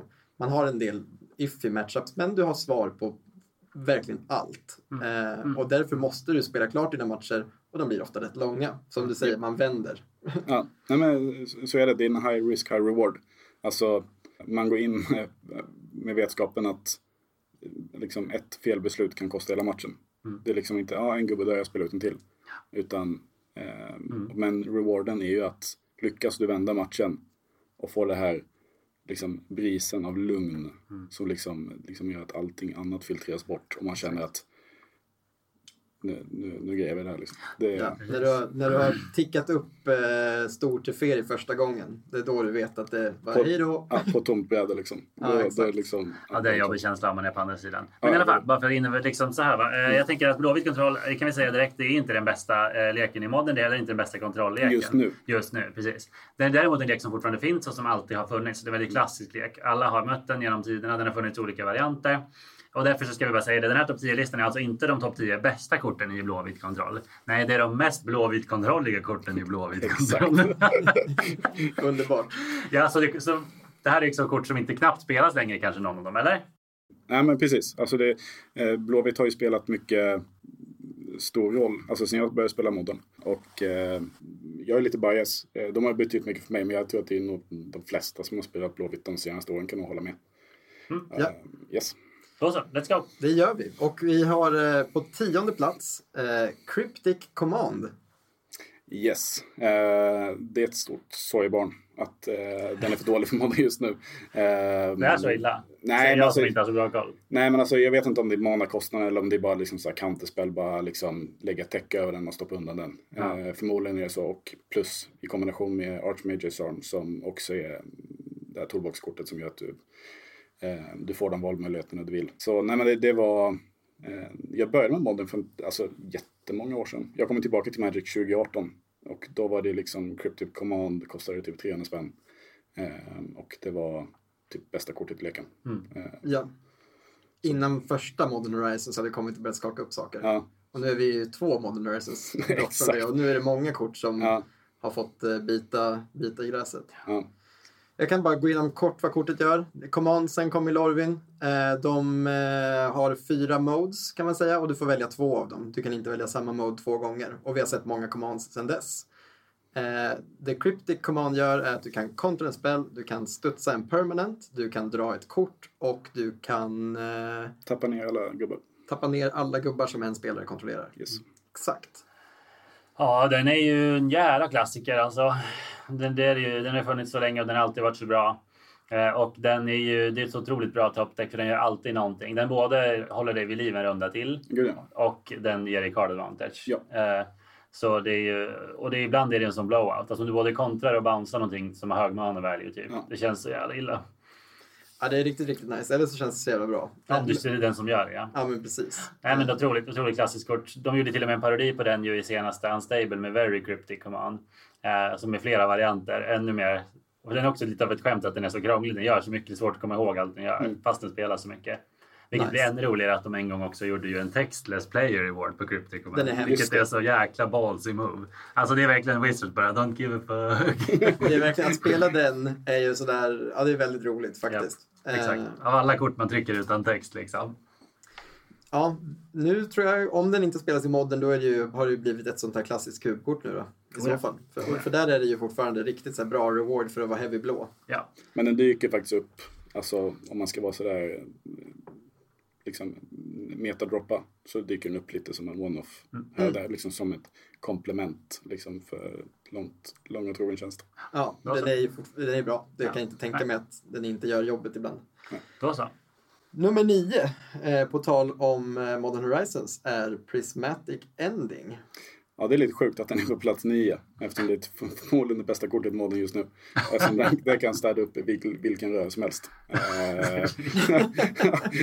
ja, det är lite sjukt att den är på plats nio. Men jag tror nog att jag har nog vägt in, eh, eftersom jag var inne och petade i den här listan och eh, rankade dem. Eh, tradition fick eh, överväga eh, Effektivitet. Effektivitet, ja precis tack. Det, det är ju Eh. något vi kan ställa oss bakom också. Så. Det är som premodern-spelare och eh, EDH-tjommar. Jag tycker att du har gjort, fått det till det bra för att jag skulle inte säga att den just definierar Blåvitt kontroll heller. Nej. Utan det här är ju ett, ja, men som du sa, det här kan vara det bästa kortet i Modern just nu. Det är ett sånt där kort som gjort att till exempel din gamla favoritlek, eh, Monoröd Prison, har blivit drastiskt mycket sämre för att alla har, eller alla som spelar vitt har också main deck-svar på många av dina hate pieces. Ja, den är bra mot min andra favoritlek Murfolk också, för den tar Vial direkt. Ja, Vial har ju blivit ett mycket sämre kort på grund av det här kortet. Ja. Ja, så, så, så det är ju, jag tycker det är en fair placering för att, av den anledningen att det, den är inte så typisk just för UV. Eh, även om den måste vara ett av de bästa korten i leken nu såklart. Det som kan vägas in också, att den inte är så här jätte, jätte UV, är att den spelas i nästan allt som kan ta vitt. Exakt. Och den till och med spelas i lekar som inte har vitt. Eh, alltså, alltså traditionellt. Ja. Att man liksom bara splashar in den liksom som eh, de Murktide-lekarna som kan liksom bli Jeskai bara för att få Prismatic för att döda Ragavans på andra hållet. Liksom. Ju- Ja. Prismatic, please end me, I'm selling my deck. Vi har, eh, det fortsätter på ett liknande tema på nummer åtta. Så vi glider in i den direkt och säger nummer åtta, Counterspell. Mm. Och det är nog, alltså det är ju, ja, nu ska man inte dubblera sig, det är också ett jättebra kort i modern, men liksom inte i närheten av det bästa. Men Ehm, den har nog mer tradition i blått. Eh, det är det, förmodligen det mest ikoniska blåa kortet som någonsin har tryckts. Men, men, men nu eftersom vi isolerat snackar modden så är det ju, det har bara funnits i Ett år. ett år ungefär. Ja. Men det snackades ju mycket innan. Eh, jag minns någon konversation på, eller någon, någon tråd på Facebook där folk, någon bara ville trolla och sa, ja men eh, innan Modern Horizon kom, eh, ja men counterspel liksom, vad tycker ni modden? Och liksom han fick, det blev en sån shitstorm så att, eh, De mobbade han. Ja, ja, visst han var helt knäpp liksom så att det, det kortet är liksom, eh, eh, för att det som hände var ju att vissa sa, ja men det är för bra. Mm. Och vissa sa, ja men det kommer inte göra någonting. Det kommer liksom så här, ja men Som okej, alltid ska vara drastiskt. Ja men det puttar ut mana liksom, whatever liksom. Ja, ja, ja. Så att det blev liksom en, eh, liksom en, en sån pitfight. Ja, nej, vad kan man säga? Det är en av de kändaste Magic-korten overall. Ja. Så. Och vi, de, jag kan sälla mig till de som inte trodde det skulle göra så stor skillnad. Som sagt ordagrant, ja men vadå, den puttar ut manalik. Ja. Eh, och säga att så var det inte. Den här är ju, har ju alltså en av anledningarna till att eh, blå-röd eh, Murktide är så bra är ju bland annat counterspel. Alltså Ja. att den gör väldigt mycket den leken. Ett dropp, tappa upp, två blåa. Mm. Det är en helt annan match helt plötsligt. Ja. Om Raggavan ligger obesvarad och du sitter med två blåa och en counterspel på handen, då är det jobbigt på andra sidan brädet ofta. Så Mm. Ja, den får också ligga lite långt upp just eftersom det inte, den är inte strictly UV utan den är liksom ganska mainstream i hela formatet om man har råd med två blå. Den har inte varit med så länge. Nej, det också. Någonting som är väldigt eh, UV-förknippat och som, som förtjänar sin plats på listan är ju Jace the Mind Sculptor som plockar sjunde platsen här. Mm, kanske enligt många det mest ikoniska blåkortet, men han har faktiskt inte heller varit med i modden så himla länge. Han var ju bannad on the get-go. Han fick ju inte ens vara med när modden startade. Så var det. Eftersom han var bra i standard. Eh, han och Stoneforge Mystic. Eh, så de kommer ju tillbaka, inte samtidigt. Jace the Mindsculptor kommer tillbaka till modern sommaren 2018 tror jag. Eh, typ samtidigt som de tryckte liksom Teferi, uh, Hero of Dominaria. Eh, så att de liksom uh, bombade ju rakt in i, i, i den leken. Ja, Ehm, Kanske var då den leken var som bäst om jag får bara kasta ut något. ja, ja, absolut. Det, eller det var då den hade som mest, vad ska man säga, prime time. Ja, menar Eh, det. Den dominerar som mest då. Ehm, och...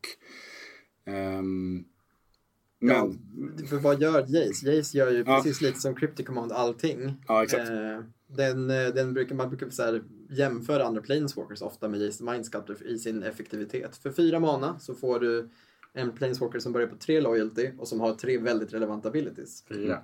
Fy, ja, precis. Tre, tre och en ult, ja. Ja.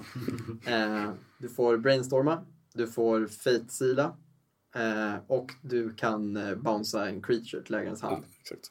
Och, Han skyddar sig, han låser ner matcher, han eh, card advantage. ger card advantage, letar efter svar och om du får göra det tillräckligt länge så har han också, hans ult vinner bara. Ja. Eh, motståndaren tar bort sin lek och lägger sin hand på eh, lektoppen av leken i valfri ordning. Ja. Ja, det, det, ja.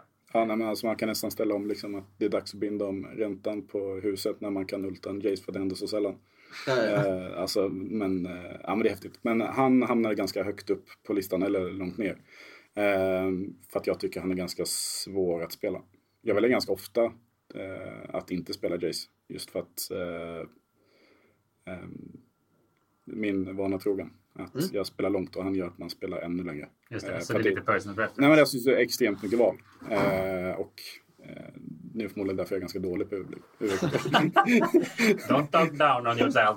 ja, Men jag, jag skulle också, har jag också hört att han faktiskt inte riktigt håller måttet enligt folk, vilket är absurt att säga. ja. Men att han det bara gör lite för lite ibland. Alltså fyra mana för, då är det bara en fyra mana bounce en creature och dö. Och det är bara inte bra nog.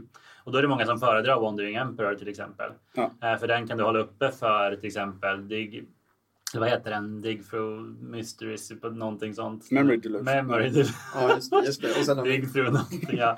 Eh, Och sen eh, om den motståndaren attackerar dig, då droppar du Emperor istället. Eh, Ja. Och du liksom ingen tempoförlust. Tappar upp med en Planeswalker. Formatet har blivit mycket snabbare, mycket mer uh, unforgiving. Mm. Alltså med alla typ Fury som Jo. fimpar Jace liksom. Just det. Just det. Så. Eh, och på tal om Planeswalkers som har utmanövrerat eh, och verkligen förtjänar sin plats i leken istället då, så har vi Treferi. Eller eh, Teferi Time Raveler. Mm, och det är ju, sex. just det.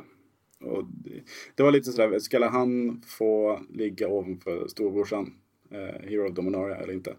Men det är nog för att jag kan faktiskt hålla med om att han är, alltså play patterns runt honom blir ganska toxic. Eh, och sen också att han spelas i varje lek som går och splashar vitt och blått. Ja. Eh, vilket gör att det blir en sån där, bara ett dumt kort. Den har, den har bra abilities ska vi säga. Alltså, så den, dens vanliga planeswalker abilities är väldigt bra. Ja. Men, men det som definierar det här kortet är den static ability som säger att nu är det bara du som får spela Magic, alla andra spelar Hearthstone. Vet. Alltså det är ju, den stänger ner många kombos bara på att ligga på brädet. Den gör i, inte, ja. i Mirrorn så handlar ju väldigt mycket om vem droppar sin, den första Ja. eh, eh, Time Raveler. Exakt. Och det blir- Motståndaren får alltså bara spela i sorcery speed. Exakt. Ja, och det blir oftast, jag tycker att jag finner mig i situationer där det blir oftast ganska awkward. Där jag glömmer bort hans statiska bild själv. Alltså för att man är inne i en match. Och väntar på att motståndaren respondar. Och de tittar på en och säger liksom, "Ja, men alltså jag kan fortfarande inte spela någonting, vad väntar du på? Mm.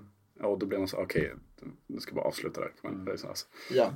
Nej, fruktansvärt kort. Otroligt bra, otroligt enerverande att spela mot. Hemsk design. Alltså, det var, de tappade ju här. Alltså, War of the Spark har fått mycket skit eh, och det här är en av anledningarna. Det är otroligt tråkigt kort. Eh, eh, alldeles för bra. Den borde ha designats om på flera saker som hade gjort den rimlig.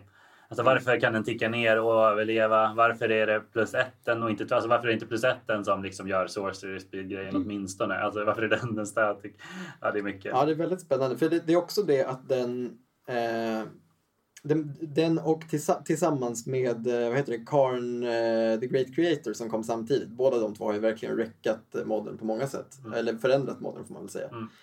Eh, handlar ju om att de i sig själva bara vinner i vissa matchups. Och det är Mm. väldigt speciellt. Det är inte så ofta du har en permanent som gör något i alla matchups men som också har uppsidan att vissa matchups bara är över. Ja. Bara den landar. Nästan så ja. Den blev ju nerfad i Alchemy. Ja, Ja. det säger någonting. Där den kostar ett mer, alltså fyra. Och man får spela instans men bara i sin egen tur. Ja. Mm. Alltså, Okej. tror jag, don't take the, the word for it. Men Något sånt är det, Något sånt är det, ja. Ja, ja. Eh, nummer fem. Nu pratar vi om ett kort som också har tappat lite men som är ju definitivt med för sin, att den är ikonisk och det är Path to Exile. Ja, eh, och den precis som Cryptic Command så dyker den upp som one-off, som typ komplement till eh, Prismatic Ending idag. Men det var ju eh, det största auto-includet i typ allt egentligen som spelar vitt. Eh, den är jätteikonisk trots att den spelar i allting som spelar vitt eh, de senaste fyra, fem åren. Men ehm, den ligger nog väldigt varmt om hjärtat just eftersom jag hade väldigt fyra fina foils från Gateway. Ja, och vi, vi hade, jag vet att den spelas ju fortfarande, inte kanske i UV, men till exempel i eh, brännbrädan spelas den. Som Okej. ett svar på Murktide som är ett väldigt svårt kort att hantera för bränn. Om det kommer en tidig Murktide så är man rätt, eh, rätt rökt i, i många bränn, bränn, eh, matchups för Sant. bränn. Och då är det väldigt viktigt att kunna svara med, för den till skillnad från Prismatic Ending kan ju faktiskt ta Murktide. Så Ja. det är något som talar för den nu. Ja, det är väldigt bra Hail Mary-kort fortfarande. Men nu, vi har andra sätt att hantera Murktide så för den är det inte lika viktigt att ha Path faktiskt. Nej, så är det. Eh, men otroligt ikoniskt kort. Jag, jag skulle minns att folk har sagt saker som Ja, i uh, Legacy där har man plog, men i modden där har man path. Alltså du vet, de är Mm. syster, systerkort Ja, liksom. men det var ju så. Ja, precis. precis. Men det är nog fortfarande så eftersom ja, Prismatic, ja, Ja, och den har också hållit eh, värdet förvånansvärt länge. Det har alltid varit så här, ja men det är dyrt den common. Fast de reprintar den oavbrutet. Mm. nu är den inte så dyr tror jag. Men, eh, Ja, men den håller ett okej värde fortfarande så. Jag har Ja. precis sålt några. Men den, den är verkligen, den har varit så... Det är så, så playpatten är också intressanta. Alltså, man minns stunden när den kombineras med... Jag som spelade lite FN Taxis när man kombinerar den med Leonin Arbiter. Det är väldigt roligt när de inte får leda land. Mm. Man minns när man pafrar deras upkeep för att de åtminstone inte ska få tappa upp med landet. Eh, Man papar sin egen gubbe för att rampa. Kanske som svar på deras removal. Massa Ja, roliga saker. Ja, visst, visst. Det är ett toppenkort verkligen. Den är ju, den är ju jätte... Det är ju bara ett riktigt fint kort alltså. men vem har inte rampat sig själv? Mm, precis. Ja. Ja. Ja. Och det, vi börjar närma oss topp tre nu. Bra, Vi ska avverka nummer fyra. Och så, vi fortsätter. Det, allt det här är ju ikoniskt. Nu är det bara heavy hitters kvar. Här har vi eh, Celestial Colonnade. Ett eh, manland från Zendikar, Worldwake. Warwick? Som är ett eh, blåvitt dubbelland. Men som också då för fem mana kan bli en Serra Angel. Med Vigilance. Ja. Det har, det har Serra Angel. Så den, Har den den? är, ja, ja, visst. visst. Den, den är bara bli, det är coolt att den blir en... Jag har nog aldrig spelat Serengel i, i, alltså i, något, alltså i, i, i någon situation någonsin. Inget eller Man gör inte det så ofta längre. Nej, för när jag var ingen spelare det bara rött och grönt. Ja. Eh, Ja, ja. Men så det är det. classic? Eh, Ja, det var ju ett av winconsen är kanske fortfarande, den här kan jag tänka mig fortfarande spelas faktiskt. Ja, men det gör den nog. Tillsammans med eh, ja, nej, blåa jätten. All. Storm Giants. Ja, exakt. Ehm, absolut. Och den har ju varit med hela vägen. Eh, jag vet inte när World Break kom. Ja, men det var ju med Jace. De med. Mm. Eh, den kom samtidigt. Så att det, när den, vad var det för lek man spelade då? I modden när Jace inte fick spelas. Eh, Var det typ någon så här- Ja. Kabler, precis. Mm. Ja, De spelade också Colonnade. ja, exakt. Just så den har ju varit med hela vägen egentligen. Och ser fortfarande spel som, man behöver ju bara en i leken. Så att, Ja. eh, Och den spelas väl bara i blåvit kontroll? ja, gud, ja, ja, kan nog inte hitta något annat. Nej. Nej. Precis. Så den är extremt UV. Ja, den, den, den är också så, det är ju kanske ett av de vanligaste sätten att faktiskt vinna med UV. Mm. Eh, och det går väldigt långsamt. Alltså du börjar ju aktivera den här typ runda 7, runda 8 liksom. Och då, ja, som tidigast. Och då går Om man kommer ihåg. Ja, man kommer ihåg. Exakt. Det är samma sak när när man sitter och är irriterad på att motståndaren inte har skopat den. Och man bara, "Ja, ja, jag måste väl börja slå dig med min kolonnad om du ska fatta att det är slut. Och de sitter där och bara shit jag överlevde typ sju rundor extra. Du glömt. Ja, exakt. Ja, är det ett väldigt stabilt kort. Eh, och på tal om stabila blåvita kort så är nummer tre eh, också en, en väldigt central wincon i leken. Och vi har kommit till Teferi Hero of Dominaria. Det är win by oppression. För det, är, det finns inget värre än att sitta på andra sidan till ferie och man ser dem liksom börja ticka upp 6, 7 och man vet vad som kommer liksom. Det är bara samla ihop sina länder och gå och bla, börja blanda. Ehm, Ja, precis. För han har två väldigt bra abilities. En plus ett som drar ett kort och eh, tappar upp två länder i ditt endstep. Ja. Och sen en minus tre som bara tuckar, säger man. Men alltså den lä- lägger in en non-land permanent i motståndarens lek, två, tre från toppen. ja. Och eh, en ult som vinner. Varje gång du spelar en spel får du exila en permanent. Varje gång du drar ett kort. Varje gång du drar ett kort till och med. Ja. Ja, fem mana kostar. Fem mana kostar han. Eh, ja. Nej, fy fan. Eh, Det, det, det, det som gör den är ju det där att tappa upp två länder. Det vill jag bara kasta Ja, gud ja. Det fattar inte folk inte hur jäkla bra det är. Han kostar egentligen bara tre. Det är det som är sjukt. Precis, och det, alla som har spelat med treachery eller liknande kort vet ju hur sjukt bra det är när, när man, får, att man får tillbaka manan. Ja. Det är så en otrolig tempovinst. Ja.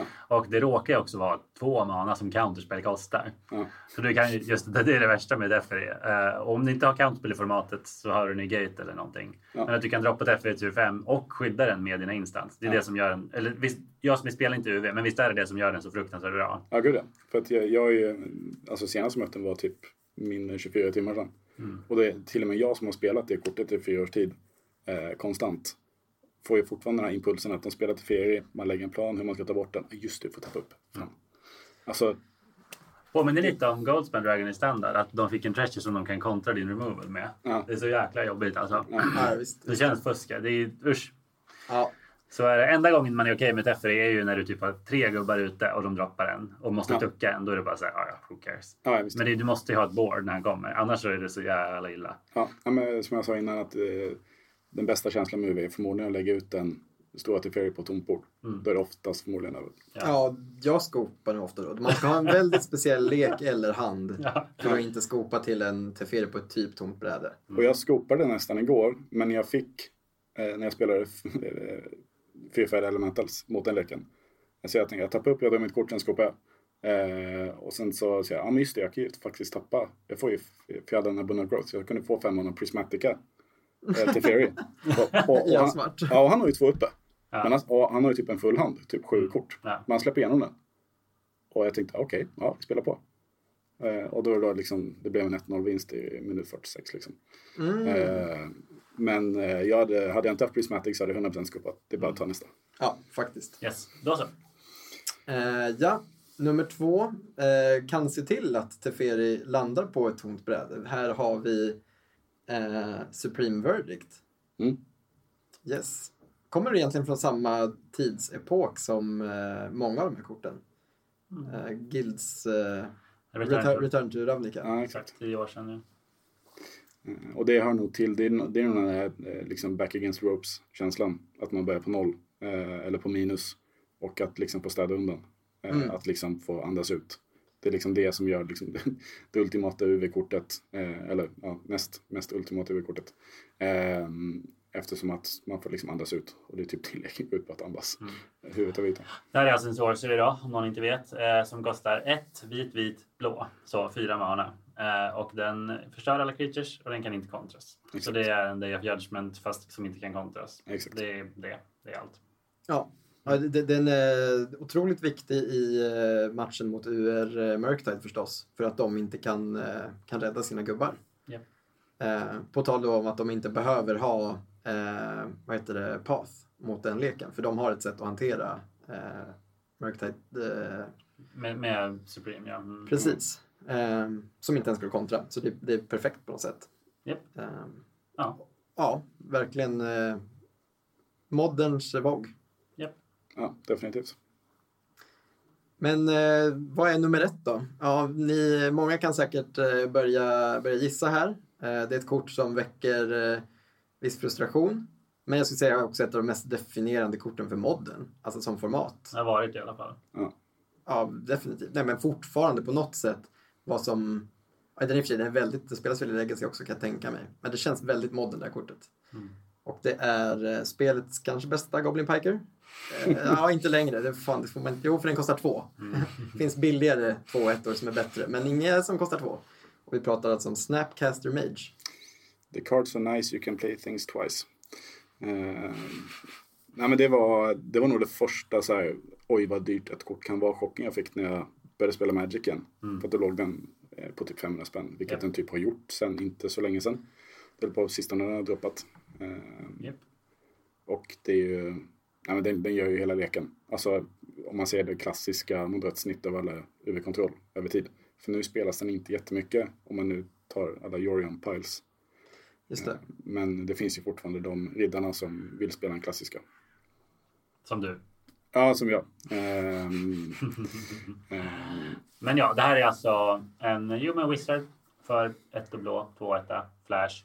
Och när den kommer in så får du ge flashback till en instant sorcery till din grav, until end of turn. Och flashback-kostnaden är som mana-kostnaden. Ja. Exakt. Så den gör det du behöver att den gör ofta. För att efter några runder i den här matchen så har du kanske en kontring i graven, du kanske har ett removal i graven. Beroende på vad det är du letar efter just då så fixar den det. Så det är ett väldigt versatile kort. Ja, verkligen. Ja, Och och den- den är ju också en gubbe. Ja, ja, alltså, det, vinna med den. ja absolut. Alltså, det, eh, Snappy Beatdown är inte helt eh, uncommon eh, wincon. Nej, eller bara som ett removal. Ja. Blocka den där första swingen av Raggavan on the play liksom. Ja, exakt. Det händer nog då och då nu för Det tiden. kan jag tänka mig. Så ja, kul. Eh, välförtjänt första plats också, väldigt definierande. Don't worry, play snappy. Den har inte jag hört. Det är Ja. ju... eh, Är det improv eller finns det en? Nej, det är, eh, det är vad heter det, Jeremy på Youtube. Han som gör såna Magic-parodilåtar. Ja, ja, ja, okej. Ja. Ja, ja men eh, väl kurerad topp 10 måste jag säga. Väldigt kul att få hänga med lite i lite UV-tankar och lite sån eh, många jobbiga flashbacks till eh, lång, långsamma förluster mot väldigt belåtna UV-spelare. Mm. Vår, eh, vår kompis Dennis som vi sover hos, han har ju haft Blåvitt kontroll i modden jättelänge. Men han spelar så sällan så att han har tiden att inte varit snäll mot hans lek. Alltså, det har ju varit så många nya kort han behövt skaffa. Men vi snackade lite igår, han har faktiskt uppgraderat leken nu så han är med i matchen igen. Ja, okej, kul. Den är också helt foilad. Eh, Han är väldigt maxad. Ja. Men det är också en väldigt UV-kontrollgrej att göra. Faktiskt Mm. måste jag ändå säga. Ni Man måste ju vara de som ja. gillar eh, i, i, eh, i modern sammanhang mest konsekvent gillar att foila ut leken. Ja, precis. Vill man inte chocka någon så ska man foila blåvitt kontroll. För det är nog... Eh, Ja, Vilken, är den, vilken uh, counterspel väljer du då? Om du nu fick välja helt fritt. Eller du kanske redan... alltså om man fick välja helt fritt så skulle den inte vara foil. Nej. Då skulle det vara alltså typ betan. Ja. Eh, men eh, jag nöjer mig med arten och eh, spela Judge Promon. Den foilar. Den originalart. Så originalarten men eh, Judge promo foil. eh, Fee Modern Frame. Ja. Jätte, jättebra exempel på det vi precis sa med att UV-spelare gillar, gillar sitt eh, flexande. Det är nice, Ja. det gör mig glad. Ja, men alltså det, det, det, det har gått lite perioder men jag är så ombytlig av mig så att jag, jag kan inte ha den foila hela tiden. Så att nu är den signer istället. Tack. Ja, det bara springer rakt in i våra fördomar. Ja. Jag gillar det. Jag tänker att vi ska prata lite om eh, våra förhoppningar kanske inför eh, Wizards satsningar på eh, competitive. Eh, de har ju sagt nu är co- covid over, nu ska vi tillbaka. Det, Go och eh, köra eh, stora, stora turneringar igen. Så. Och eh, vad, är det, vad är det vi får? Är det någon som vågar försöka förklara? För jag tänker att ingen av oss riktigt har orkat sätta sig in hundraprocentigt, men vi kan ju nämna någonting. Alltså ett ord som jag tycker definierar det ganska bra är kompromiss. Eh, nej men alltså de har ju tagit vissa beslut som har fått enligt mig ödesdigra konsekvenser på pappersformatet. Men så nu så släpper de tillbaka lite eftersom väldigt många har skrikit väldigt högt. Men de behåller ändå den delen som har eh, fi- fimpat papper. Alltså det är ju, då menar jag online-satsningen. Alltså att Magic skulle vara en e-sport. Och vi skulle ha influencers och vi skulle ha streamers. Och eh, Magic skulle inte spelas någon annanstans än framför datorn. Eh, Åtminstone inte i competitive. Nej, exakt. Den delen har man ju behållit. Och nu har man någon slags eh, dynamisk synergi. Att du kan kvala från alla håll och kanter. Liksom. Du kan kvala från din mobil till, en, till VM. Liksom. Ja. Ja, men Ja, basically. Ja, och det som är är att det blir någon slags Pro Tour igen, eller det de kallar för eh, World Championships. Alltså det ska finnas ett VM och sen finns det en väldigt sån här episk stege dit på något sätt som börjar på din local game store. Alltså nu pratar jag liksom hur de pitchar det här, men det är egentligen, jag tycker att det sammanfattar det rätt okej. Mm, Vi får ju se hur allt går. Det är inte riktigt börjat. Nej, exakt. Men att olika regionala aktörer har fått i uppdrag att arrangera, eh, vad ska man säga, typ eh, världsdelsmästerskap. Mm. Eh, och de kommer i sin tur då kunna låta lokala butiker arrangera kval till det här. Mm. Och eh, baserat på hur du presterar i de olika vägarna in till World Series så kan du knipa liksom en av de här eftertrodda platserna i, i den absolut högsta nivån av competitive magic. Mm. Typ så. Eh, och det här är det vi inte riktigt vet. För till exempel i Europa, det går inte att ansöka om att hålla i de här eh, lokala qualifiersna än. Utan det finns bara en, vi vet vilka det är som ska ge oss, eh, bevilja det här. Men vi vet inte exakt hur det går till eller vad det är vi får för typ eh, av perks för att göra det och sånt. Jag, jag, jag vet inte ens om de själva vet hur det ska gå till. Förmodligen inte, för då Alltså- är det någon läckte i den här världen. Ja, halva deras hemsida är full av coming soon och de har redan bytt datum på ett av sina event en gång. Eh, så att jag, jag tror att det är ganska... Det är Förtroendegivande. ja, verkligen. Men det är också någon form av Magic Fest på gång. Det kommer inte bara vara det här utan vi ska få tillbaka liksom en GP, uh, GP lookalike också. Eh, som är inte, man är inte kvalificerad till man åker dit, betalar en saftig peng för att få spela ett event. Och side Eh, events. Och, Och en jäkla massa side events. Och kul, kul eh, konventkänsla på Ja. eh, Wizards sätt. Men den största skillnaden tror jag blir att det, det kommer inte vara någon dag två. Utan det, det är två separata endags-event. Okej, Där en är det första som heter Open Qualifier. Det är ett sånt här stort, det kan basically vara hur många som helst.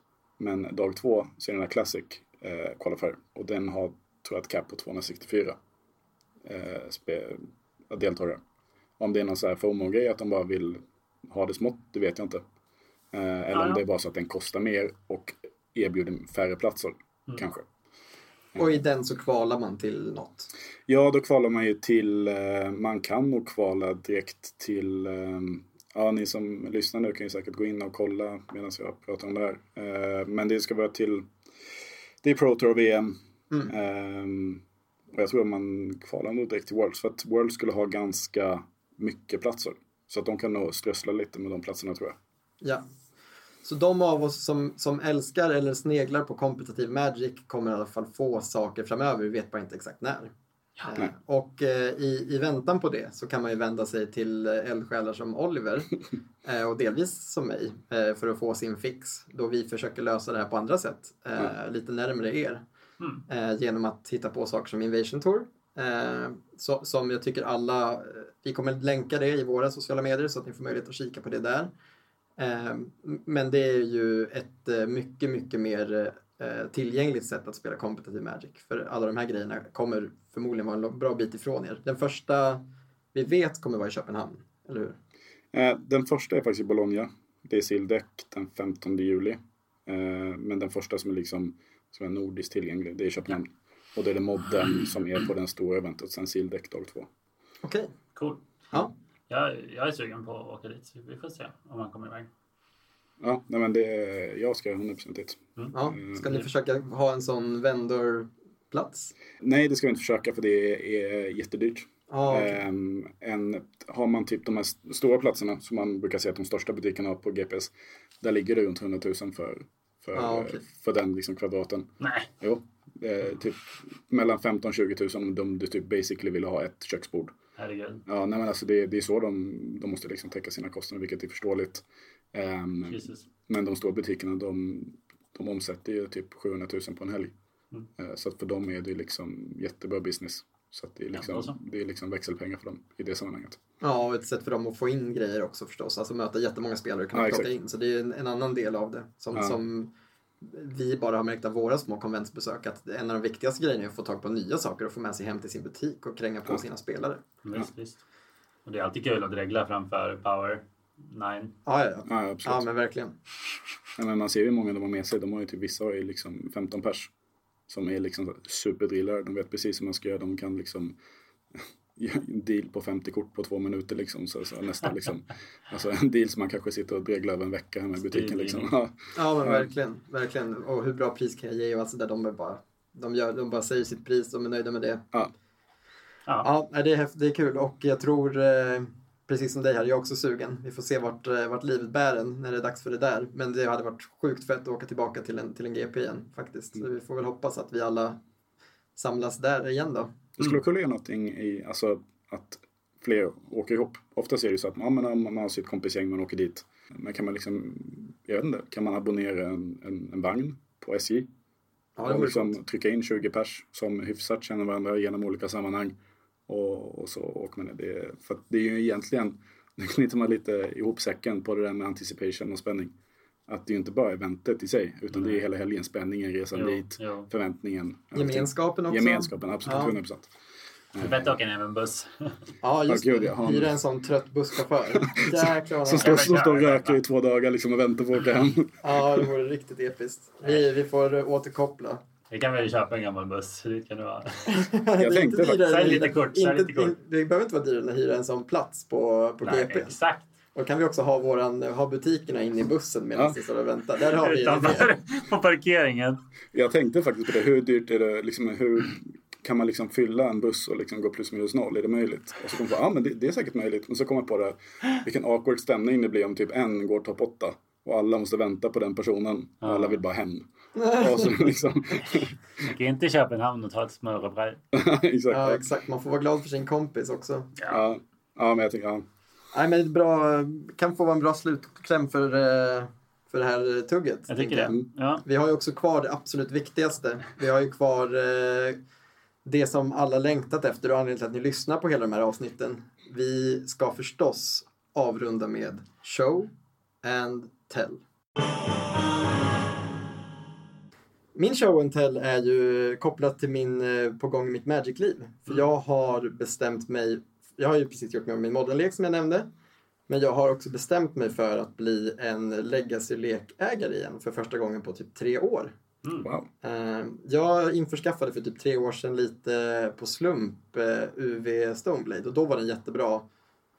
Och sen fick den sig en rejäl törn när Renan 6 printades. Och det tog ett tag innan de bannade Renan 6 i Legacy. Så jag tappade lite feeling för jag såg hur den typ droppade. Utan att ens spela med leken så såg jag hur den så tappade plats i metat. Så kände jag att ah, det är för dyrt. Jag sålde av korten och köpte väl massa mat eller något. Jag har ingen aning. Men det jag tänkte göra nu är att jag tänkte skaffa ANT och bli en sån här big brain eh, legacy storm-spelare. För jag älskar att lägga magic-pussel. Jag älskar att eh, försöka liksom smita under eh, alla oppressive kontringar och sånt i legacy. Eh, och jag tror att det här skulle kunna bli en, en långvarig kärlek för min del. Tills jag vinner några gånger och känner att jag måste byta lek. Men nu har jag sagt det öppet. Eh, jag har eh, en, en deal på gång på fyra leddar. Och börjar väl börjar närma mig eh, ett, ett stort steg i livet. Magic-livet. No turning back. Jag är riktigt, riktigt taggad. Eh, och det här betyder ju också för er Eskilstuna-bor som lyssnar att det kanske snart börjar ploppa upp lokala legacy-turneringar eftersom vårt Magic-meta styrs väldigt mycket av vad, vad vi store-owners har för, för intressen personligen. Eh, men inte bara. Ni, ni styr all, alltid mest. Men, men jag vet att ni är många som älskar legacy och att vi har varit lite dåliga på det. Så det kanske blir ändring på det. Eh, Så det får bli min, min sån show and tell. Jag, jag är riktigt taggad. Jag är också lite irriterad på att man spelar gröna duels bara för att kunna ha en main deck eh, Veil of Summer. Ja, Okej. Eh, det Ja, men det är det som är legacy. Du ska lägga legacy. 5000 spänn för en match du spelar typ eh, ibland. Ja, exakt. exakt. Nej, man kör också Carpet of Flowers i brädan, så det är inte bara därför. Okej. Men, men eh, ja, ni, ni fattar. Det, det, men så är det att vara legacy-spelare. Jag ser fram emot det. Jag ser fram emot att möta er andra legacy-spelare när ni ser hur jag gör bort mig och tror att jag kan gå av och inte alls kan gå av. Looking forward to it. Mm. Ja, eh, alltså det, det här kommer att låta jättekonstigt. Men eh, jag har liksom de senaste dagarna liksom dragits med någon slags kluven tanke av att namnet Invasion Games är en lögn. Oh. Oj! Ja, nej, men alltså det, det låter ganska dramatiskt. Och det är bam. ganska dramatiskt eftersom att det är liksom inte längre taget än att det är liksom för att eh, in, Invasion var liksom det, det sättet eh, som betyder väldigt mycket för mig när jag var yngre. Så att det, tar, så att det har liksom alltid funnits i bakhuvudet så att om jag liksom får en stroke och får för mig att öppna Magic-butik eller en eh, Magic-företag så ska det heta Invasion. Och Inte trademarket från Wizards. De kan inte trademarka. ordet invasion kommer. Alltså, det, alltså när vi håller på att marknadsföra oss och så under, under vår reklam så kommer någon så här artikel om invasionen i Ukraina. också. Så, Nej. här, alltså, så här, bad will på, eh, på, på alla parametrar. Men, men eh, jag spelade väldigt mycket draft när jag var yngre. Eh, och det var på den tiden när man spelade pick draft. Alltså man fick inte behålla korten. Man liksom la ut dem på bordet och ettan fick välja två kort och så vidare. Så. Eh, och, vilket nu eh, folk påminner mig hela tiden hur cutthroat det är. Och, eh, vilket jag på ett sätt håller med om. Men, eh, och jag minns hur, hur svårt det var. Eftersom att jag bara för några veckor sedan spelade en sån här Phantom Draft på Magic Online.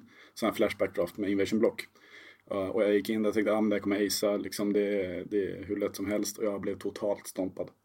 Alltså jag hade inte en chans. Folk Alltså- är så sjukt bra på Magic Online. Ja, ja. Alltså, folk som draftar är Ja, ja, gud, ja. verkligen... Det är så hög nivå. Vi gick ju in och spelade en liten Capenna-draft där. Just det. Det är bara så bra nivå på spelandet. Alltså. Ja. Och, och då fick jag någon sån här grej. bara, Shit, vad, det var inte alls kul att drafta. Det är inte alls mitt favoritsätt längre.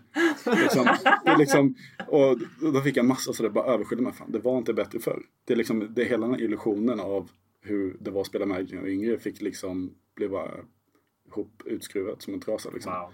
Så att många av de andra minnena jag berättade om idag, de kanske liksom var en efterfabrikation. Nu vet jag att de, de, de är väldigt legit men Ja. nej, man, man skruvar alltid på grejer i efterhand liksom, när man växer upp. Liksom, hur, Oh ja. ja. Eh, Men Invasion var jättestort eh, när jag började spela.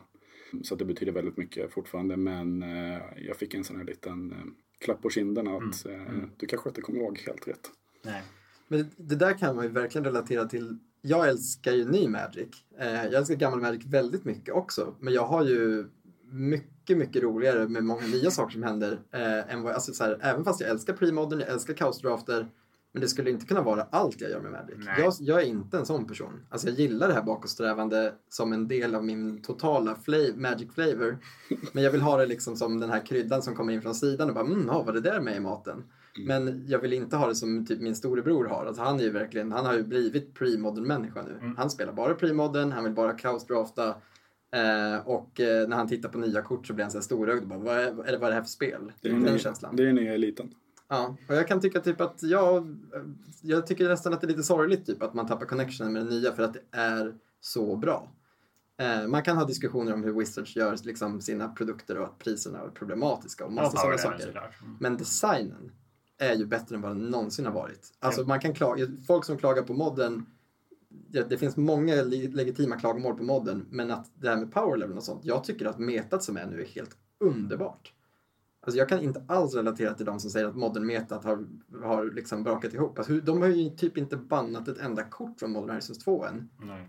Och det är inte för att de måste göra det, alltså det är för att det inte behövs. De håller varandra i schack. Nej, Alltså både modern och legacy har ju fler arketyper än någonsin. Mm. Som faktiskt är viable allihopa och ingen är sådär stackars barn liksom. Ja.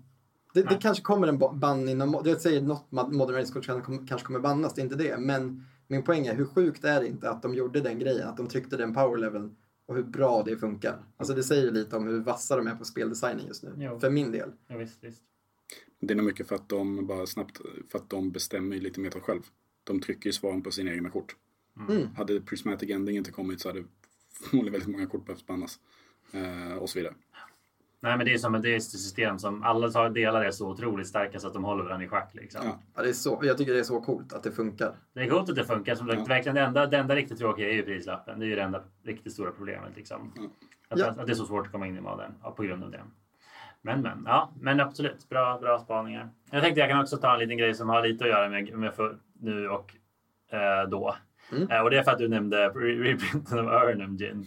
Eh, och det fick mig att tänka på de gånger när Wiz- Wizards reprintade en riktig gammal banger från förr.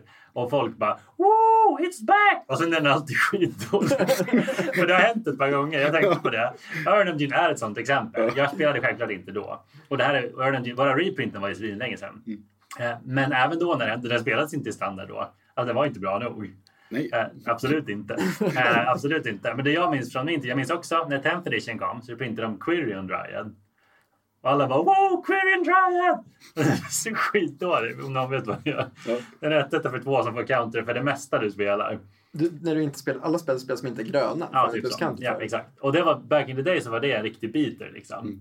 Men den höll inte måttet för standard då. Den spelade ingenstans. Sen när printade de, eh, vad heter det, Nantuko Shade en gång i typ M13 eller något. Alla bara wow, Nantuko Shade is back! Den här var, det här var det shit alltså. Den här kommer skaka om standard.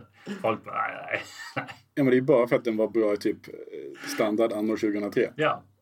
Det är väldigt roligt faktiskt. Ja, eh, och också Grim Lava Master, när de tyckte om den så höjde alla på ögonbrynen. Den gången så var den fortfarande bra.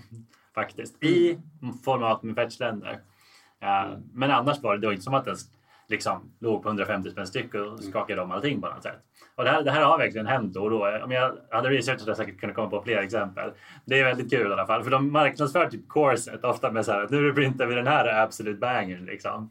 Och bara, de bara shit att de vågar reprinta när den var så bruten. Och sen så bara njapp, njapp. Ja, det är faktiskt väldigt roligt. Ja. Det, en, eh, det, säger, det säger väl lite om de här med power, power creepen förstås. Men, Ja. men eh, ja, de blir väldigt bra limited-kort.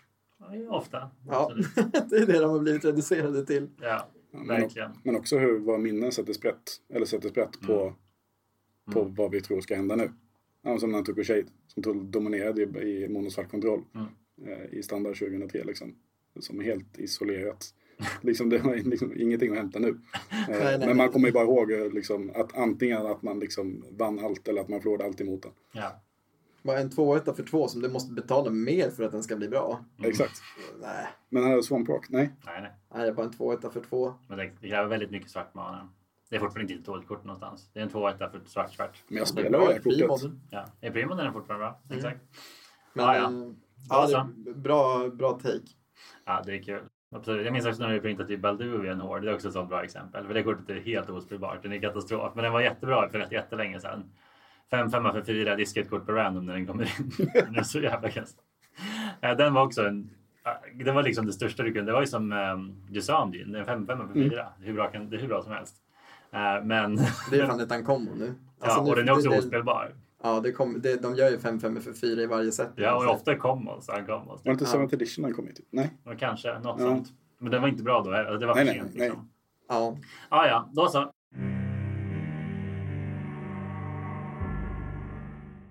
Vi ska ju passa på att tacka våra medhjälpare eh, som, som ser till att den här podden blir av eh, och som har hjälpt oss på olika sätt. Vi har fått en jättefin eh, banner av eh, vår konstnärsvän Nick.